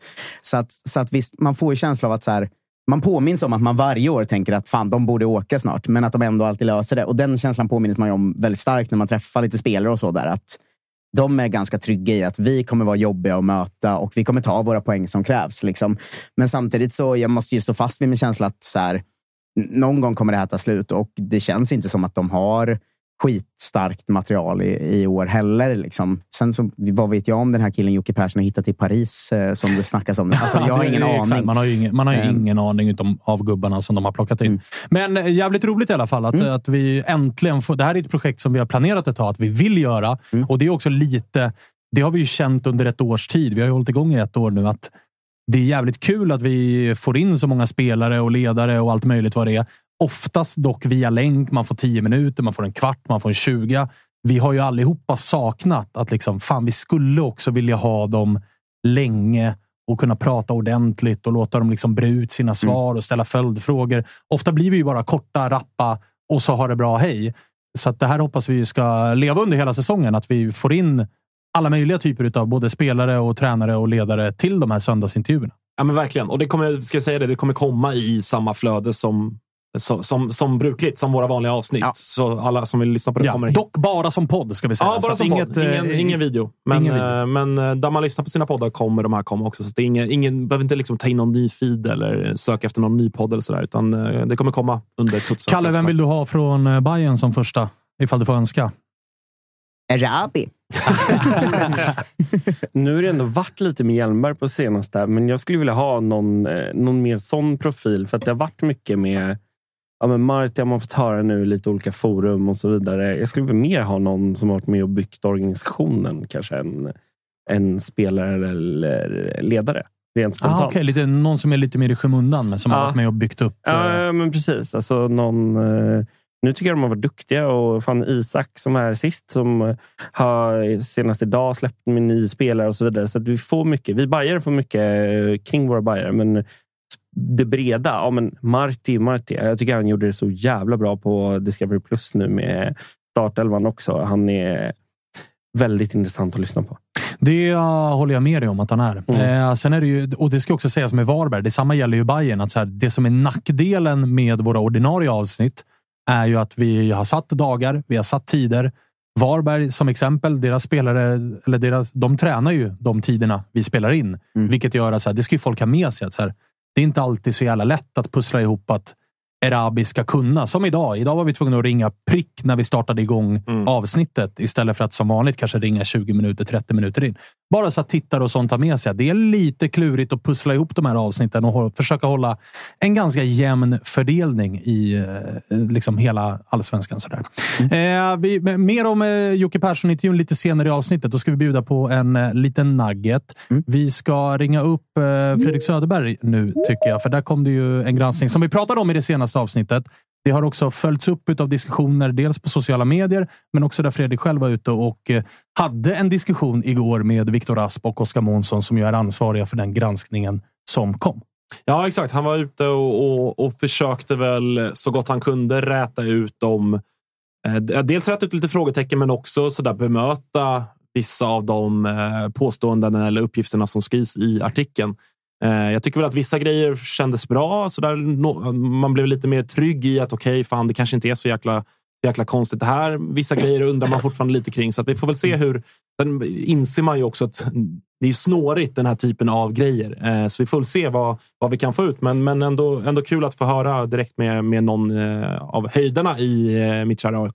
Vad känner ni som har sett det här från utsidan? Är det popcorn hela vägen eller hur tänker ni? Nej, men jag tycker det går hand i hand med det som framförallt Jansson från oss som varit ute. Det här hela agentverksamheten. Liksom, att det inte är så, precis som du är inne på, det är snårigt och det är inte det renaste som finns ute i businessvärlden. Liksom, och det är, nej, det är tufft. Alltså, ja. Svår, för det är, också en, det är- också en del av fotbollen. Alltså, så Ja. klubbarna måste ju också förhålla Ja. sig till det. Och det ska man också, alltså, agenterna de behövs ju också. De gör ju också jävligt mycket bra. Så det sjukt. Liksom, man är tudelad och det, jag vet inte. Det är, Ja, men som allt finns det bra, bra och dåligt. Liksom. Så är det men eh, det är, ja, det är klart som korvspad att det skulle, om det hade haft ännu bättre, det, det som ni var inne på sist här med den nya som kommer från Fifa i år. Men det kommer ju komma ja, eh, abrovinker på det också som görs. Men eh, ja, jag hoppas det får lite rätsida och lite tydlighet i det. Så det Ska vi säga att vi har en ganska nyanserad kvart om agenter med Jocke Persson på söndag också. Så det, Är det så? Ja, exakt. Vad var Eh, hans bild då?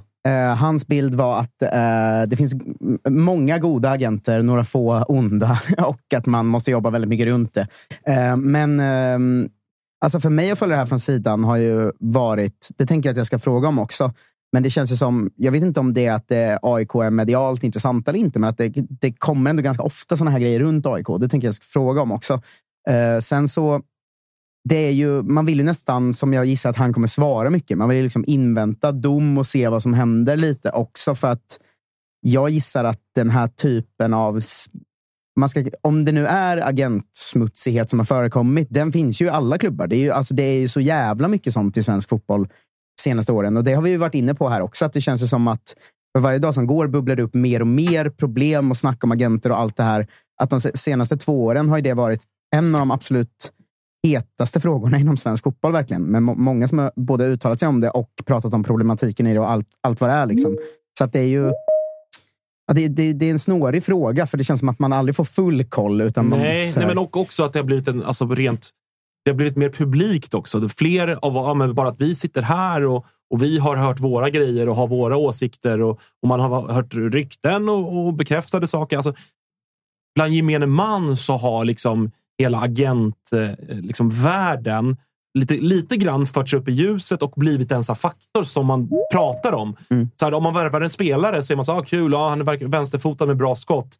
Ja, och så har han den agenten. Alltså, det, det, det är någonstans en del av fotbollsdiskussionen som det, jag i alla fall inte upplever fanns med för bara i alla fall tre år sedan. Nej, men verkligen. men... jag tänker för, eh, om det är lyssnare som lyssnar idag som inte lyssnade sist, kan inte du snabbt dra vad granskningen gick ut på? Om du bara drar... eh, Alltså, du Eh, behöver inte dra hela granskningen, nej, men, men i ungefärliga drag. Nej, men, liksom. eh, poäng, eller det, som, det som det handlar om, det är ett exempel som tas upp från Fotboll Stockholm där eh, Fotboll Stockholm alltså som, som har gjort den här granskningen där man tar upp ett exempel med en spelare som har lämnat från BP och gått till AIKs akademi. Eh, och där man från Fotboll Stockholms håll då hävdar att AIK via en specifik agentur liksom, gå- man har själv gått till spelaren för att få honom till AIK och det är det som går emot den här alliansöverenskommelsen. Eh, och alliansöverenskommelsen är då alltså en överenskommelse mellan AIK, Hammarby, Djurgården och BP där man har liksom kommit överens om att vi ska inte hålla på att aktivt värva spelare under en viss ålder mellan varandra för att det, Mm. det kommer skapa total anarki och kaos och, och liksom mellan unga, f- företrädesvis pojkar. Då, liksom. Men det Eh, finns så. väl inget stopp på att en spelare frivilligt, Nej. Som spelar i Bayern säger att jag vill gå till Djurgården. Exakt, liksom. och det är väl lite det som är pudens kärna i det här fallet. Att AIK hävdar att den här spelaren själv aktivt har hört av sig till AIK och sagt jag vill gå till AIK. Och Fotboll Stockholm, då, vad man gissar också, BP, menar på att AIK har använt sig av det här agentnätverket som i sin tur ska ha påverkat spelaren att aktivt välja att gå till AIK. Vet det du det vad eh, lite- vi i resten av landet sitter och tänker när vi läser sånt här? Att det alltid är sånt jävla Stockholmskäbbel. Ja, att det, det, exakt, jag tänker det är ett jävla käbbel uppe i Stockholm bara Ja. igen. Så, Och det är det ju. Ja. Alltså, det är fyra klubbar som också... Visst, nu kan man vara elak och säga att Djurgården har väl ingen egen akademi, men det, alltså, det ska vi vara ärliga och säga att det är fyra stycken stora akademiklubbar. BP är ju vad BP är A-lagsmässigt, men det är ju verkligen fyra stycken drakar på ungdomsnivå som alla lite grann bråkar med varandra och där alla också har getts olika förutsättningar. Alltså igår satt, nu har vi ingen djurgårdare här, så att jag ska inte kasta för mycket eld i någonting. Men igår, så, det är framförallt en eld mot BP egentligen. För igår satt Peter Kisfaludi i 08 Fotboll ju och liksom erkände att han sa ju rakt ut och kom på sig själv att så här, den här Rolke, heter han var mittbacken. Att så här, ja, men honom värvade jag när han var 11 och så rättar han ju sig själv och säger att, eller ja, värva får man ju inte säga när han är 11. så det är också så här, hallå. Alltså, och det är också, kom, alltså, alla som följer det räcker, man behöver inte vara jätteinsatt för att veta att BP är ganska så aggressiva, är väl fel ord, men ganska aktiva i alla fall på att knyta till sig spelare redan när de är 8, 9, 10, 11 år. Så det är också så här, eh, hej. Alltså, och i den här typen av fall finns säkerligen i, ba i Bayern, säkerligen i Djurgården också. Så Ja, att men de, är, det, de är duktiga på att suga upp spelarna från andra klubbar. Inte från varandra, så, men de är duktiga i ung ålder. på och det är ju fan, BP's rykte går ju tillbaka liksom, till när en annan trot eller ej spelade liksom, på Mm. 90-talet. Ja, men exakt. Det har var funnits hur länge som helst. Alltså, de, är ju, de har ju längst tradition i Stockholm utav det Mm. också. Eh, men för att komma tillbaka till det du surrade om agenterna och liksom den eh, vad ska man säga, kunnigheten kring agenturer och så vidare. Hur det har liksom gått upp. Och Det är likadant, kolla nu på Silly. Om det är någon spelare som ryktas till, ja, men till Bayern. Det första jag gör det är att gå in och kolla vad har den för agent för att veta, finns det ens någon rimlighet i det här? För jag vet ju vilka agenturen Bayern helst jobbar med. För vilka de har bäst relation med. För att finna så här, ja, men, trovärdigheten i det. Mm. Och likadant också om det är någon som ryktas ut. Ja, men vem av Bayerns spelare har den som agent? För att Ja, veta. men exakt. Ja, men Alltså, det- det- det- det Ja, är ni blev det. ju, ni blev ju, Bayern blev ju varse på det i, eh, i eh, somras till exempel med Ja, ja. Jehas. Att så här, Ja, ja. Där, där, där var det ju ett jävla snack om en viss agent. Ja, och, liksom. Mm. och den agenten hade också eh, van den Hurk som gjorde lite samma Ja. grej. Ja, men och ifall man ska hårdra ut i, det. och- Eller var med i Discovery Ja. Studio och pratade. Och, och jag menar, eh, för att ta ett ännu mer färskt exempel med Bayern då när, när eh, Mujo Tankovic var med här hos oss. Ja. Så det blev ju en snackis sen, hans uttalanden.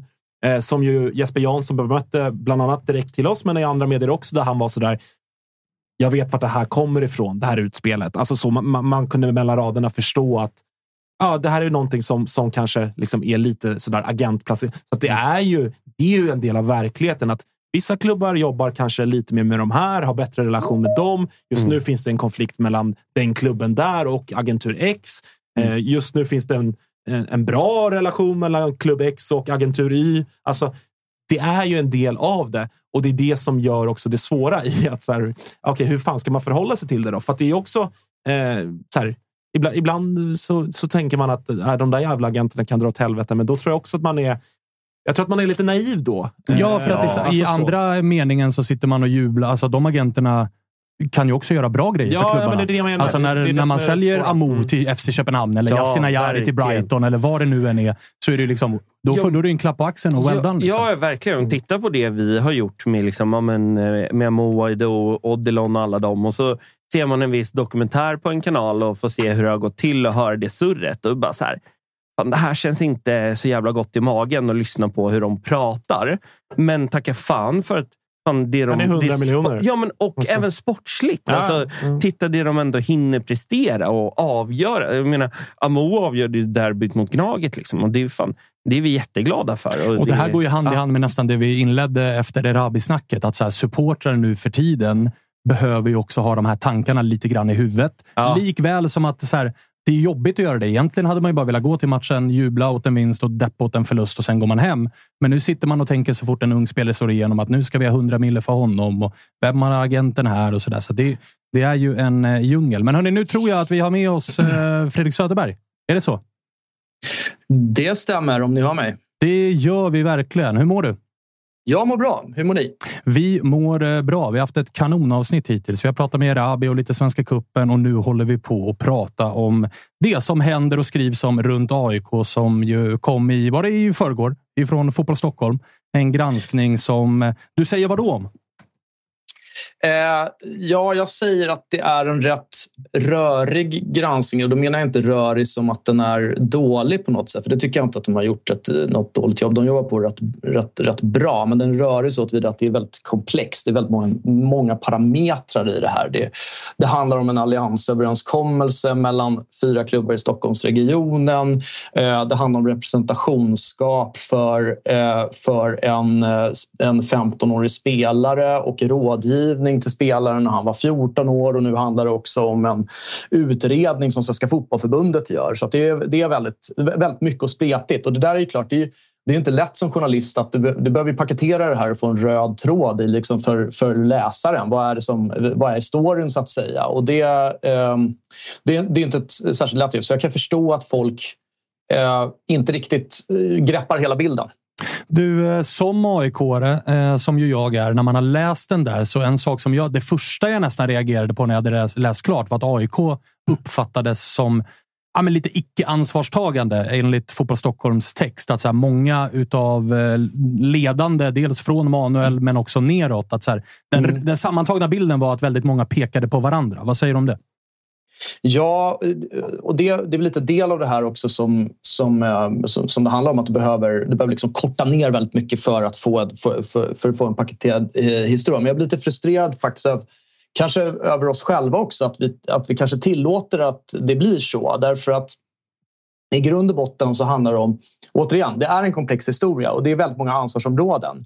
Och jag exempelvis ansvarar för våra föreningsfrågor. Så jag ansvarar för våra samarbete, eh, samarbete med olika föreningar. Och då är det jag som ska svara på den typen av frågor. Medan en sportchef, eh, som i den roll som Arne Lindberg har, han är mycket bättre på att svara hur vi eh, hanterar olika relationer med, med, med agenturer exempelvis. Eh, och då blir det väl så att när du inte riktigt har råkoll på exakt vad, vad en intervju ska handla om eller vilka frågor det är, då, då, då blir det så att ja, men det är bättre om du tar det här med den. Och då framstår vi lite som vi som vi pekar fast vi egentligen kanske mastar ut efter att rätt person ska svara på rätt, rätt frågor.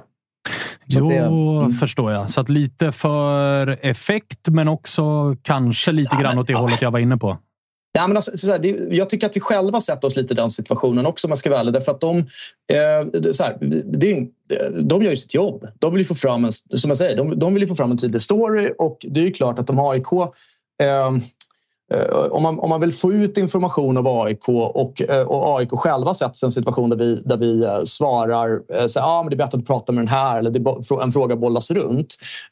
Det blir en del av storyn. Det fattar vi också. Liksom, så att det, det är ju onödigt av oss att sätta oss i den situationen. Vi kanske borde ha varit liksom så här, ehm, vi, vi, vi, kanske borde haft en, tagit en, en rätt kontaktperson i, i början. Men det är också så här, jag får frågan, eh, eh, jag får frågan till exempel om, om eh, vem inom AIK som har varit på ett speciellt möte och så. Då, då känner jag att inom rollen som näst högsta tjänsteman för AIK, då vill jag på något sätt äga frågan. Jag tycker att det är rätt så dåligt ledarskap när jag ska peka vidare frågan. Utan då, då är det bättre att jag tar den frågan. Men jag har inte all operativ information. Då måste jag ju hämta in också, det vill säga vad som, vad som har hänt och vad vi kan, kan svara på. Men jag tycker att det, det, det är fortfarande min roll att kanske uttala mig i media. Liksom. Så det blir också en, en, en aspekt i det hela. Att man, man, eh, man behöver kanske läsa på inom ärendet också. Men du, eh, du var ju ute och svarade både Viktor Asp och Oskar Månsson igår på Twitter. Det är inte alla som har mm. följt mm. det, men där, eh, liksom, ifall vi ska bara hålla oss till granskningen som skrevs, så blev det väl ändå ganska tydligt att eh, du liksom å AIKs vägnar erkände att eh, här har det blivit fel. Kan du förklara kort bara så här, vad är det AIK har gjort för fel? Ja, men absolut, eh, definitivt. Alltså, vi, vi, kan ta det från början. Med, då får jag lite airtime här, för det kan ju ta, ett, kan ta en liten stund. Men eh, det börjar ju alltså med att, vi, eh, att, att AIK har ett, eh, en representant från AIK har ett möte med en agentur med, med eh, med Universal. Eh, och det i sig är helt eh, okontroversiellt därför att den typen av möten ligger liksom inom ramen för, för arbetet som, som personer som arbetar med spelrekrytering och scouting har. Behöver hålla, behöver hålla en dialog med alla olika agenturer. på de här mötena så presenterar man då egentligen... Man, man kan säga man säljer in AIKs, eh, eh AIKs akademi eh, generellt för att få agenturerna att rekommendera oss i så stor utsträckning som möjligt när, när Eh, till, till olika spelare. Eh, och för, för, för sakens skull, här, för det blir viktigt sen i, i följdfrågan, så som, som spelare så kan du inte ha en förmedlare eller representant förrän du är 15, 15 eh, år. Eh, och på det här mötet så nämns Eh, i, det, vad jag förstår så är det flera punkter som avhandlas på det här mötet. Liksom. Och vid ett tillfälle så nämns då eh, en, en, en, spelare eh, eh som, eh, som säger ja, men, kanske för, för framtiden eller något sånt där. Eh, och Eh, det som händer där och då det är att den här spelaren som då spelar i Brommapojkarna eh, enligt en alliansöverenskommelse som vi har mellan oss fyra klubbar så får en klubb någon form av indikation på att en spelare skulle kunna tänka sig att byta eh, klubb sinsemellan. Då har vi skyldighet att, att larma om det och det handlar om liksom föräldrar ringer in till oss och, och, och, frågar eller man anmäler sig till camper eller något sånt där. Och det missar AIK. Det gör inte AIK i det läget. Och vad som händer sen är att den här spelaren då, eh, kommer till Brommapojkarna och säger att jag, eh, eh jag, vill, jag vill sluta för jag, jag, eh, vill, jag vill börja AIK istället. Och jag har fått, jag tror på något sätt man uttrycker som att man har fått ta del av då AIK, eh, AIKs, AIKs akademi. Och det här reagerar ju Brommapojkarna på. Då, då kontaktar de oss eh, och säger att vi har fått den här informationen. Vi blir lite tagna på sängen. Det här är en fredagkväll i oktober på måndagen så sitter jag och en kollega till mig med Brommapojkarna eh, och meddelar då att eh, med, meddelar att eh, det, vi, okay, vi har gjort fel. Vi har, då har vi hunnit grotta lite i vad som har hänt. Vi har gjort fel och den här spelaren, vi kommer inte eh, säkerställa att det blir ett klubbyte för den här, för, för den här spelaren. Då. Och vad som händer sen är att spelaren självmant lämnar, eh, lämnar Brommapojkarna och går tillbaka till sin moderklubb. Och sen hoppar vi fram i tiden till Lucia ungefär, eh, då spelarens familj hör av sig till oss eh, och, och säger att eh, kolla här, den här killen vill inget annat än att spela i, i AIK. Han är, han är liksom inte, inte glad för, för sin situation. Finns det någon möjlighet att ta dem? Och då, har vi, då gör vi liksom om, omvärdering här. Att ja, okej, vi har agerat fel i relation till allianssamarbetet men nu sitter vi här med en kille som, som vill komma och spela för AIK. det, är, det, det, är på något sätt, det, det, det är på något sätt hans hans, hans tydliga önskemål här från familjen och vad, vad vi, vi har svårt att finna skäl till att man ska kunna neka honom att få spela i AIK när det är den klubben som han verkligen vill till så att säga. Så då fattar man det, det beslutet. Det var ett resonemang vi hade också innan. Och så här, okej, är den här spelaren, för att vi har agerat fel då, är den här spelaren blockad för AIK att leva i framtid? Så. Men då meddelade Brommapojkarna direkt när vi fattat det beslutet att okej, okay, så här blev det nu. Vi valde att ta in honom i alla fall på grund av de här, de här eh, premisserna. Och då reagerar ju Brommapojkarna och säger att ja, men då, eh, eh då tycker vi att det är, att, liksom, det, det är en aktion som liksom visar på att vi, det är svårt att ha en samverkan för det, det, de tycker att det bryter mot det här eh, allianssamarbetet. Och då har vi suttit i dialog med, med Brommapojkarna sedan dess. Det är den ena delen av, av eh, storyn. Det är där AIK eh, har agerat fel och det, det behöver vi ta ansvar för såklart. Vad, eh. Nu är det ju en utredning hos SVFF mm. som är inledd. Vad finns det för potentiella... Alltså om det här skulle sluta med att SVFF kommer fram till att AIK har tagit hjälp av förmedlare som man mm. inte får ha för 14-åringar, men att det också är AIK som har aktivt försökt värva spelaren, vilket man inte heller får göra, så som jag har förstått det. Vad skulle det kunna bli för eventuella bestraffningar för ett sånt här? Finns det någon praxis eller hur ser det ut?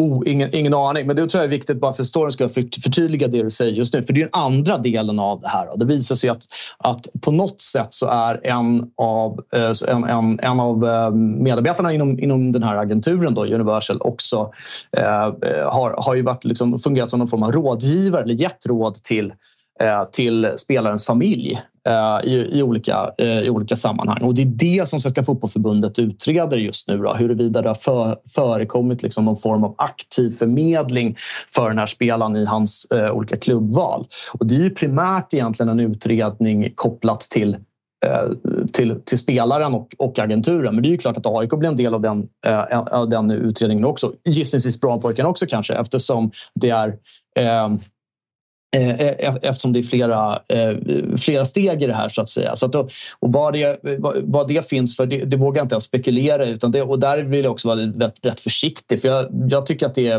det är bra att det kommer fram en utredning ska jag säga också för att det, det kommer kunna ge en, en, en, en rättvisande praxis och är det så att AIK bedöms på, skulle bedömas på något sätt att de har gjort fel, då får vi ta ansvar för det.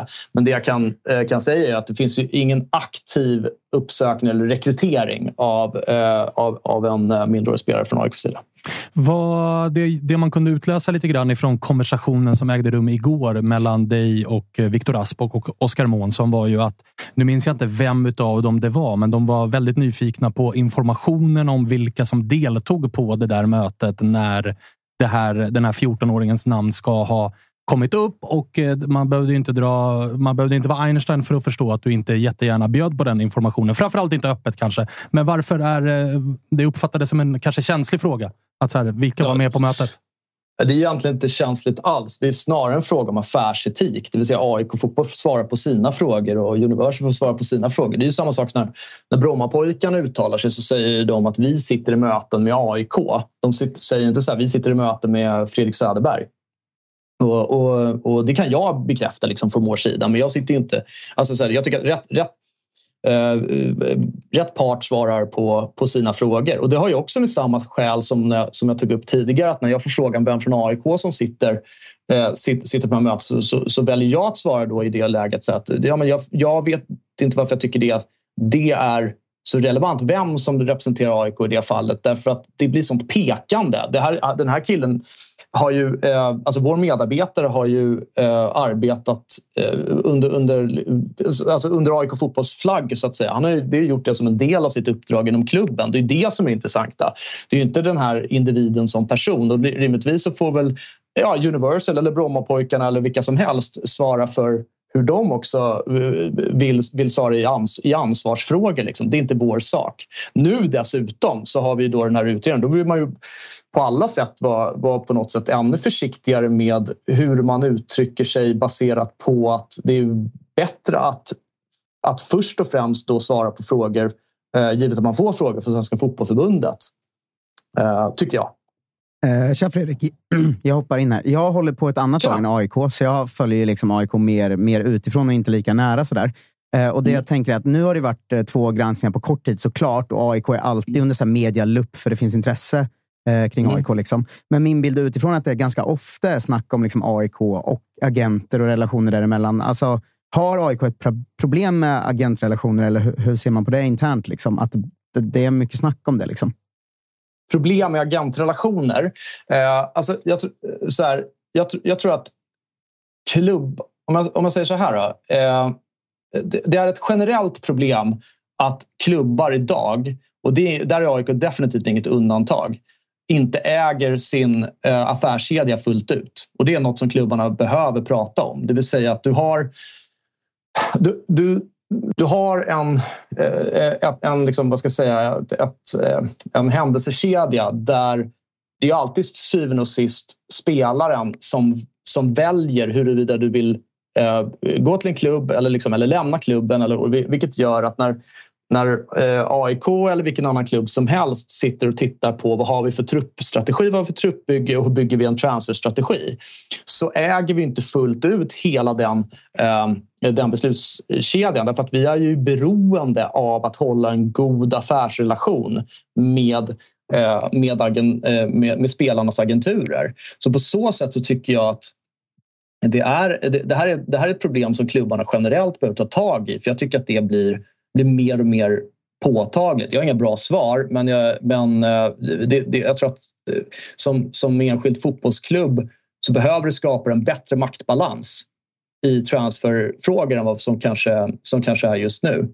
I tillägg till det eh, så kan jag också känna att eh, det blir det, är här, det är bara att titta på det här alliansavtalet då mellan Stockholmsklubbarna, som, hur det kom till. Det handlar ju om att skydda de här unga spelarna för att liksom betraktas som handelsvaror i mycket större utsträckning. Och idag har vi liksom en, en idag har vi rätt, eh, eh rätt, rätt mycket förmedlarfrågor kring eh, nere på akademierna. Jag vet inte ifall det alltid blir så, så jäkla sund miljö. Det måste klubbarna också ta ansvar för. Sen om du uppfattar, som du uppfattar från AIK eller mer, det, gissningsvis så tror jag att det kan ha att göra kanske med AIKs Ja, alltså, jag vet, jag vet inte. Att vi, vi förekommer ofta i media. Det vill, jag vill inte göra det till en grej. För att det, är inte, så här, det är lätt att antingen tycka, slå sig för bröstet och tycka det är jätteballt eller så, så sätter man på sig en offer, offerkofta. Och så där. Ja, för, mig det, för mig kan jag bara konstatera att det är rätt vanligt att AIK generellt eh, eh, förekommer i media och eh, den här frågan bör inte vara något undantag för det. Men själva strukturen med hur klubbar arbetar med agenturer, den är generisk för alla klubbar. Men vad, så här, pratar man internt om att... Eh, för att det, det är verkligen ingenting som är liksom klubbaserat det här. Det finns ju problematik. Vi, vi pratade tidigare här om eh, en, annan, en annan agentur som var liksom lite grann under medielupp i, i somras var det va? Eh, kopplat till eh, framförallt Hammarby. Men eh, finns det liksom inte... Du säger att klubbarna borde göra någonting. Men mm. Finns det en liksom dialog klubböverskridande kring de här frågorna idag i allsvenskan? Jo, men det tycker jag ändå att det finns. Och vi väntar på ett nytt, någon form av nytt regelverk från Fifa som ska bli intressant att följa också. Och så där. Och samtidigt som jag hörde lite kort att ni var inne på det. Det är ju en komplex situation eftersom de här agenturerna liksom driver, driver mycket frågor också som, gyn, som gynnar klubbarna. Det är bara det att man, känner, man äger inte beslut. Man, man äger liksom inte sina egna affärsbeslut fullt ut. Det är det som man behöver, behöver, behöver titta på. Men jag tycker att frågan är, är definitivt uppe på, på diskussion i många forum. Du, eh, den här alliansöverenskommelsen då. Hur skulle du säga att AIKs relation är idag till övriga klubbar inom den alliansen sett på liksom den akademinivån om man säger så? Ja, men vi har väl en liksom, rätt saklig diskussion med, med Brommapojkarna just nu kring, kring eh, den här situationen och uh, den dialogen som, som, som jag har haft med Hammarby och Djurgården handlar ju om, där, där har vi varit supertydliga, att vi vill ju, full, vi vill ju hitta, hitta ett sätt att, att fortsätta samverka. Vi ska lösa den här situationen med, med, med Brommapojkarna så att, så att alla liksom går, uh, går starka ut i det och fortsätter samverka med de här klubbarna. För det är, det är ändå liksom så här, det, det, är, vik, det är viktigt. Och, och, och, återigen, AIK, vi ska sträcka upp handen att vi, vi, har agerat, eh, vi, vi, har agerat slarvigt i den här situationen. Bara, så det, är inte, eh, det, är inget, det är ingenting som vi bara ska eh, nonchalera. Eh, men vi behöver, jag tror att med detta sagt, så vi behöver hitta ett sätt där vi, är, eh, där vi, där vi har en fungerande samverkan. För det är väldigt mycket, alltså det är fyra klubbar som har väldigt höga ambitioner. Eh, och någonstans behöver vi tänka på att det är oftast barn det vi pratar om som, som, eh, som, ska, som gör de här eventuella klubbytena då mellan, mellan eh, klubbarna. Och det vill säga, det är, inget, det är i sig inget konstigt att någon byter klubb från en klubb till en annan. Utan allianssamverkan handlar ju först, först och främst om att vi ska försöka undvika det i så stor utsträckning som möjligt men också när det sker, att det ska ske på ett korrekt sätt. Så det, är inte, det konstiga är inte att den här spelaren spelar i AIK utan, utan det att AIK liksom inte har agerat eh, fullt ut korrekt i, i relationen till, till Brommapojkarna. Eh. Finns det, har AIK från sin sida då, i samband med den här utredningen eller alltså när ni fick reda på att det blev så här? Det var redan runt eh, Lucia där någonstans när ni tog beslutet att ta in honom. Är det här ett engångscase eller gör man någon form av liksom eh, inventering och tittar om det har hänt tidigare? Vissa har ju varit inne på eller spekulerat i att så här, kan det här vara systematiskt? Att det här, spekulationen har ju funnits om att AIK agerar så här just för att AIK annorlunda eller jobbar i sin akademi annorlunda än vad AIKs akademiålder börjar ju senare än de andra. Där har ju vissa elaka tungor varit inne på att AIK måste börja liksom rekrytera för att de liksom, ambitiösa spelarna kan börja i en konkurrerande akademi i tidigare ålder. Ja, fast det, alla klubbar rekryterar ju, så det är inte så. Det, det, tror, jag, det, det tror inte jag är något, något case i, i det fallet. Det där är ju en, det är liksom, det där är en annan fråga. Man får ha någon form av filosofi och träningsmetodik för, för barn och unga. Liksom. Nej, men min uppfattning snarare, och det här får väl i sådana fall Brommapojkarna be, bemöta, men min uppfattning är snarare att, att Brommapojkarna har sagt att det är väldigt ovanligt att man har den här diskussionen med, eh, med AIK. Eh, och att vi, eh, men, att, men att det har men att det har skett stämmer ju liksom allvar, eller alla, alla tycker att det, det, är inte bra att vi har den här situationen just nu. Men inte att det skulle vara ett specifikt AIK-problem. Då så. Du, eh, vi släpper den. En sista fråga dock. Det kom ut, eh, Manuel var ute och pratade idag om eh, sportchefsjakten. Han körde mm inom en månad, men kanske längre tid. Hur går det? ja, uh, nej, men det, så här. Vi, nej, men vi sitter ju i, uh, vi sitter i konkreta samtal med ett antal, uh, med ett antal kandidater. så att jag, jag delar väl Manuels vision där. Jag tror att vi tidigare hade kommunicerat ett lite för snävt fönster och jag ska inte ta, ta ner Manuels fönster på, på något sätt med en månad, men jag, jag kanske hoppas att det går snabbare än så. Har det varit eh, svårt? Vi har ju pratat om det här. Att så här, alltså det är lätt att eller lätt och lätt. Det, är lätt. det finns fler tränare än vad det finns sportchefer i Norden. Har det varit tufft för er? Ja, sportchef är ingen, det är ingen, det är ingen tydlig profil. Eh, utan man får titta på vad man vill ha och vad man, man behöver. Vi titta på, det, det, det, så här, okay, sportsligt kunnande är ju givet en, en, en grundläggande faktor. Eh, men du ska också se hur är du som ledare internt mot, eh, i relation till chefstränare och spelare. Eh, hur är du som, som, som affärsman? Det vill säga mycket av sportchefens jobb handlar ju om transfer transferfrågor. Hur, hur är du i en sån situation? Hur är du i ditt ambassadörskap? Du, mycket, en, ett stort uppdrag handlar ju om att du, du kommer behöva möta media och du kommer vara liksom en väldigt högt exponerad person och hur, hur klarar man av det? Och så får man balansera de här olika faktorerna eh, så, eh, och så får man försöka hitta bästa kandidat. Vad har, vi, vad har man för personligt nätverk? Vad, vad har man liksom för historik av att jobba med på olika marknader eller, eller, eller något sånt där? Det är sånt som, som värderas eh, olika och då är det klart att det ja, alla har ju knappast någon så här, eh, eh alla, alla trumfar inte på alla de här delarna utan då får man värdera olika från olika kandidater tills man hittar det som blir lämpligast. Härligt då. Du, eh, tack för att vi fick eh, låna din eh, tid denna fredag eftermiddag. Mm, inga problem. Tack själva. Trevlig helg på dig. Samma. Ha det gott. Samma. Hej, hej. August, ja. blev du nog klokare? Ja, men lite grann. Alltså det, det, återigen, det är, ju, det är ju snårigt och det är komplext och komplicerat. Alltså man kan ju bara så här, jag, jag tycker att det i alla fall är på något sätt lite... Det är skönt att AIK ändå har i någon form i alla fall självrannsakat sig själva och konstaterat att så här, vi borde nog ha larmat åt BP tidigare i det här fallet. Vi gjorde nog fel. Att man ändå kan sträcka upp den handen och säga att fan, vi skötte inte det här exemplariskt. Det är ändå, tyder väl ändå på någon form av liksom, eh, självinsikt på det sättet. Så det är väl bra. Eh, annars tror jag väl bara att, eh, som vi, som vi varit inne på, det, det, liksom, det verkar jobbigt och snårigt och rörigt för alla klubbar. Uppenbarligen behövs det någon form av gemensam eh, tydlighet kring hur vill man jobba? Kan vi på något sätt eh, gå ihop för att få mer tydlighet och, och, och liksom schyssta villkor kring, kring den här delen av, eh, av fotbollen? Ehm, Men det samtidigt som att, eh, tycker jag han skjuter ju inte helt ner min, eh, min känsla av att AIK är en av de klubbarna som har kanske mest problem heller. Jag tycker inte helt han skjuter ner den spaningen. Att det kommer ofta sådana nyheter om, om AIK eller har gjort.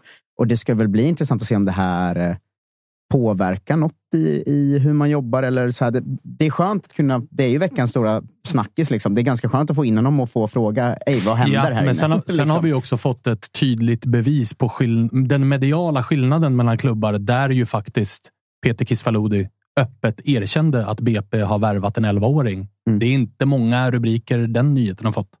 Nej, nej, men så är det ju. hade, det eh, varit, hade han ja. erkänt att han gjorde det till Djurgården, då tror jag att det hade blivit ganska mycket större rubriker. Nu var det för BP han gjorde det och då blir det lite axelryckning. Ja, ja. Men det ska, ja, det ska, man får ju avvakta nu och se, se vad domen säger. För att det är, ju, det, det är också en klubbrepresentant som liksom... Han vill ju såklart få det att framstå som att det har skett så lite skit som möjligt. Liksom. Oh ja. Eh, så, så vi får ju följa upp det på något sätt när, när domen kommer. För att om de blir fällda av, eh, eller, av SVFF. Liksom, då, då, är, då är det ju ett större problem än, än vad det framstår som nu. Ja, och jag känner ju att det är favorit på fällande dom just nu. Mm. Det är min känsla kring ärendet.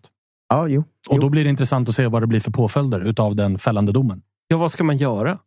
Nej, men alltså, vi satt ju, jag, August och Kviborg i Testa Stör och spekulerade kring att så här, vad har hänt när stora klubbar i Europa har blivit skyldiga för att värva minderåriga på ett sätt som inte är okej. Mm. Alltså, FC Barcelona fick transferförbud i två fönster eller vad fan det var.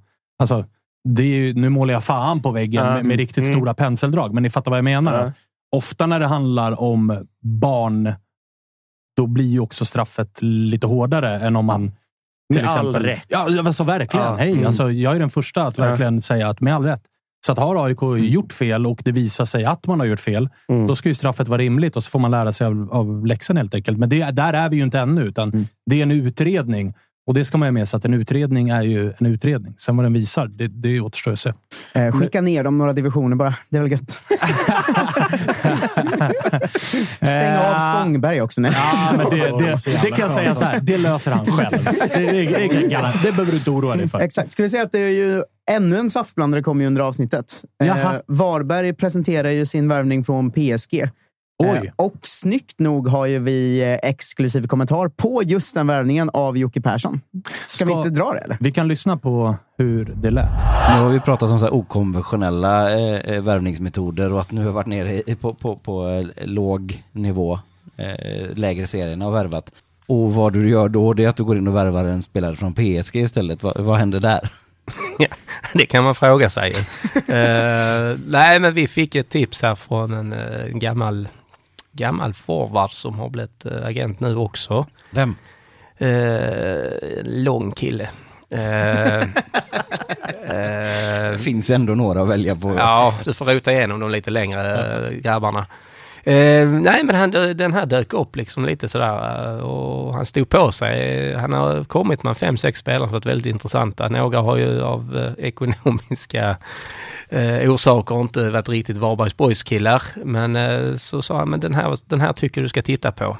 Eh, och möjligheten finns att plocka hit han till rimliga pengar. Så att eh, vi tog upp han i förra veckan här och ja, vi behövde väl 25 minuter för att inse att han, eh, han var ganska bra. V- vad heter spelaren? Yasin El Ouatki. Och hur beskriver du honom som spelare, du som har scoutat och värvat honom? Ja, en ung Jocke Persson. Nej, men en, en mittfältstyp eh, udden balans, men eh, skulle kunna gå liksom en tvåvägs mittfältare också. Eh, vänsterfot, vet två sekunder innanför bollen vad han ska göra med den. Eh, vill spela framåt, det gillar jag. Och fin teknik, men även liksom eh, duktig utan boll, aggressiv, kliver in i kropp. Inte, inte ful på något sätt, men, men tuff och, och man ser direkt liksom att det är med Varbergs Boys mätt en duktig spelare. Ni som inte ser här nu, för det är bara jag och Marcus som ser nu. Mm. Jocke ser lite mallig ut här nu. Det, det känns som att du eh, har, tycker att du har hittat något bra här nu va? Ja, det, annars så... eh, Fan, sluta med detta. Hur eh, får man någon att vilja flytta från Paris till Varberg? Den eh, sparade vi. Ja, den lilla exakt. nuggeten på slutet. Det där är bara en liten del av det som är eh, Jocke Persson-intervjun som alltså släpps på söndag. Vi släpper den tidigt satan så att den finns för alla, alla morgonpigga småbarnsföräldrar där ute. Det är fan ett eh, perfekt koncept där. Alltså, jag längtar mycket till de avsnitten jag själv inte kommer med. För vi kommer ju skicka två av oss och göra intervjun alltid. Ja. Men att kunna gå upp på söndagmorgonen, ladda upp för matcherna med att lyssna på en intervju med alltid en av allsvenskans intressantaste profiler. Det är fan kanonsöndag. Ja, det är det alltså. faktiskt. Det är det faktiskt. Eh, Kalle, du var passiv under eh, samtalet med, med eh, Söderberg, men nu när du har fått eh, liksom, känna lite på det, eh, landar du i någon tanke här? Eller?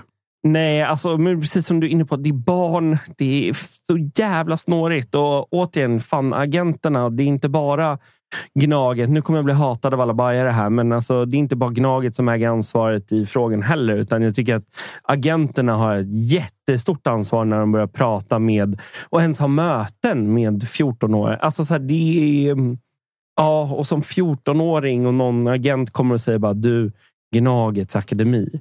Eller Bayerns eller Djurgårdens. Eller vem, alltså fan, det Men är inte också vad konstigt. fort det har gått alltså med... Jag minns alltså när jag spelade fotboll, jag spelade i AIK när jag var 14 år.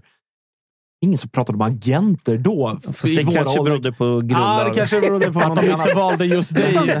Vad fan, det sjuka var att när jag lirade, jag var inte alls eftertraktad. Nej, men, nej, allvarligt talat, så, alltså, det här är ju någonting som har kommit på senare år. Ja, det har gått fort. Och, och som Ja. också är en del, det vi pratar om, att så här, vi supportrar ju i någon mån liksom, medskyldiga i hela den här liksom, att det går ner i åldrarna också. För att vi också Mm. pratar om, alltså så här, bara det att vi supportrar, så här, "Ah, jag, fan, jag var på eh, Pojkar 14 i helgen och kolla och den här vänsterbacken, jävla topp. Alltså, det blir, det är, någonstans Ja. hör ju allt det här ihop. Ja, ja. Men att en- det, fotbollen är sån jävla business och att det fortsätter gå ner i åldrarna så enormt. Att Ja, det liksom, är bara titta på våra klubbar och vi sa det lite på skämt innan att det var bättre förr. Ja, men det är ju, titta på Hammarby, vart vi är idag kontra tio år sedan. Nu är ju en tydlig strategi att vi ska ha de unga, upp med dem, lyfta dem och sälja vidare. Tacka fan för att agenterna kliver längre och längre ner i åldrarna också. ja. Eh, sen kan man tycka att det är hemskt, men det är en del av verkligheten och då måste det finnas tydliga regler för vad som... Men också att de känner ett ansvar. Det är inte bara... Och där tror jag verkligen det som eh, du var inne på nyss med att så här, nu kommer jag säkert bli hatad av bajare, men och så här, även om Tapper har en känsla av att så här, det är oftare AIK som det skrivs om i det här. Men jag är rätt övertygad och det gäller dessutom alla. Det, det har vi pratat om tidigare i avsnittet också. Det är, gäller alla klubbar och det gäller alla agenter och alla, liksom, även alla spelare. Att så här, de vill ju såklart ha den bästa agenten och agenterna vill placera.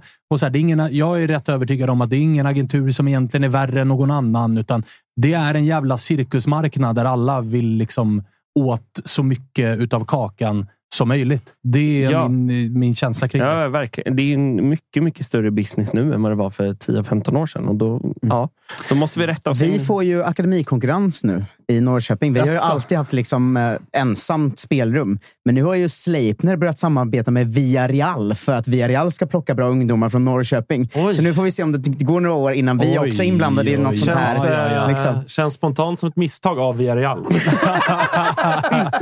Det får man lov att säga. Ja. utan, utan att ha stenkoll på IK Sleipner så, så känns det spontant som att... eh, Där gick de vilse. Ja, Mm. det kommer inte vara många som eh, tar resan till eh, de gula ubåtarna. Hörni, jag eh, hoppas att vi slipper snacka om det här, men det ska väl komma en fällande dom någon gång. Så jag gissar att vi... Eller fällande dom? En dom. tog jag bara för givet att det blir fällande.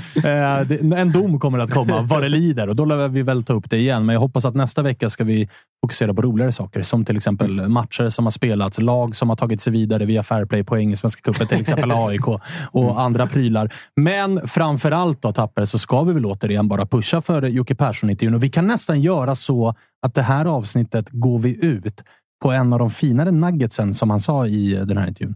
Ja, jag, jag tror faktiskt jag vet vilken det handlar om, för det är nog en träningsmatch. Det är ju Jocke Hane som har skickat in de här, men det var en väldigt fin liten Han skickade liten in ett story. gäng. Han tyckte Ja. Mm. ju väldigt mycket var bra i den här intervjun och det är det också. Jag har tjuvlyssnat.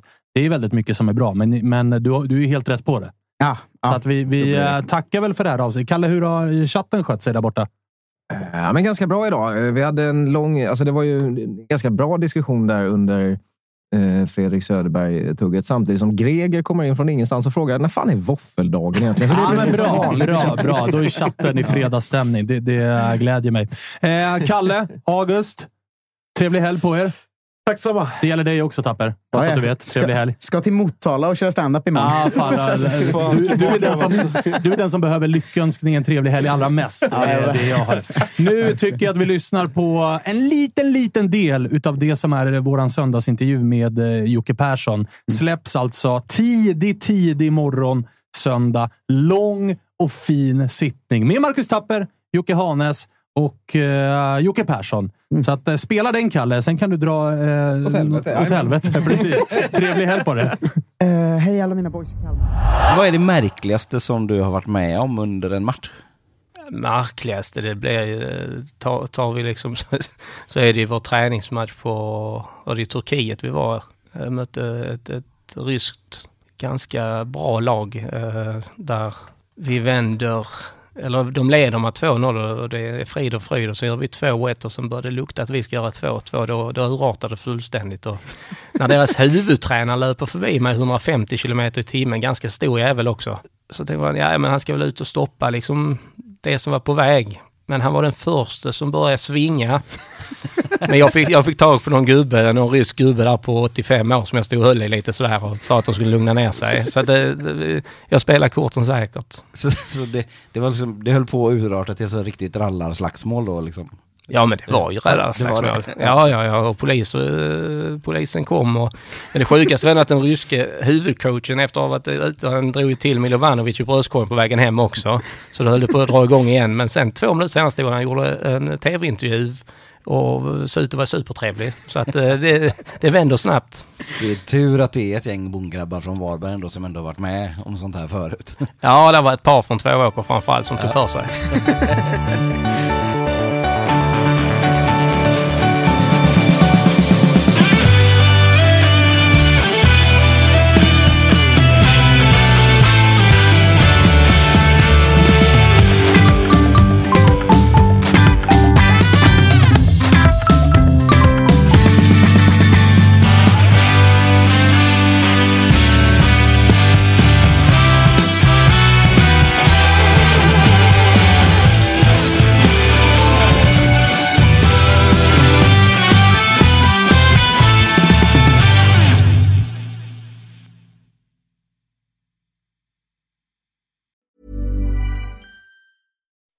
When you make decisions for your company, you look for the no brainers. If you have a lot of mailing to do, stamps.com is the ultimate no brainer. Use the stamps.com mobile app to mail everything you need to keep your business running with up to 89% off USPS and UPS. Make the same no brainer decision as over 1 million other businesses with stamps.com. Use code PROGRAM for a special offer. That's stamps.com code PROGRAM.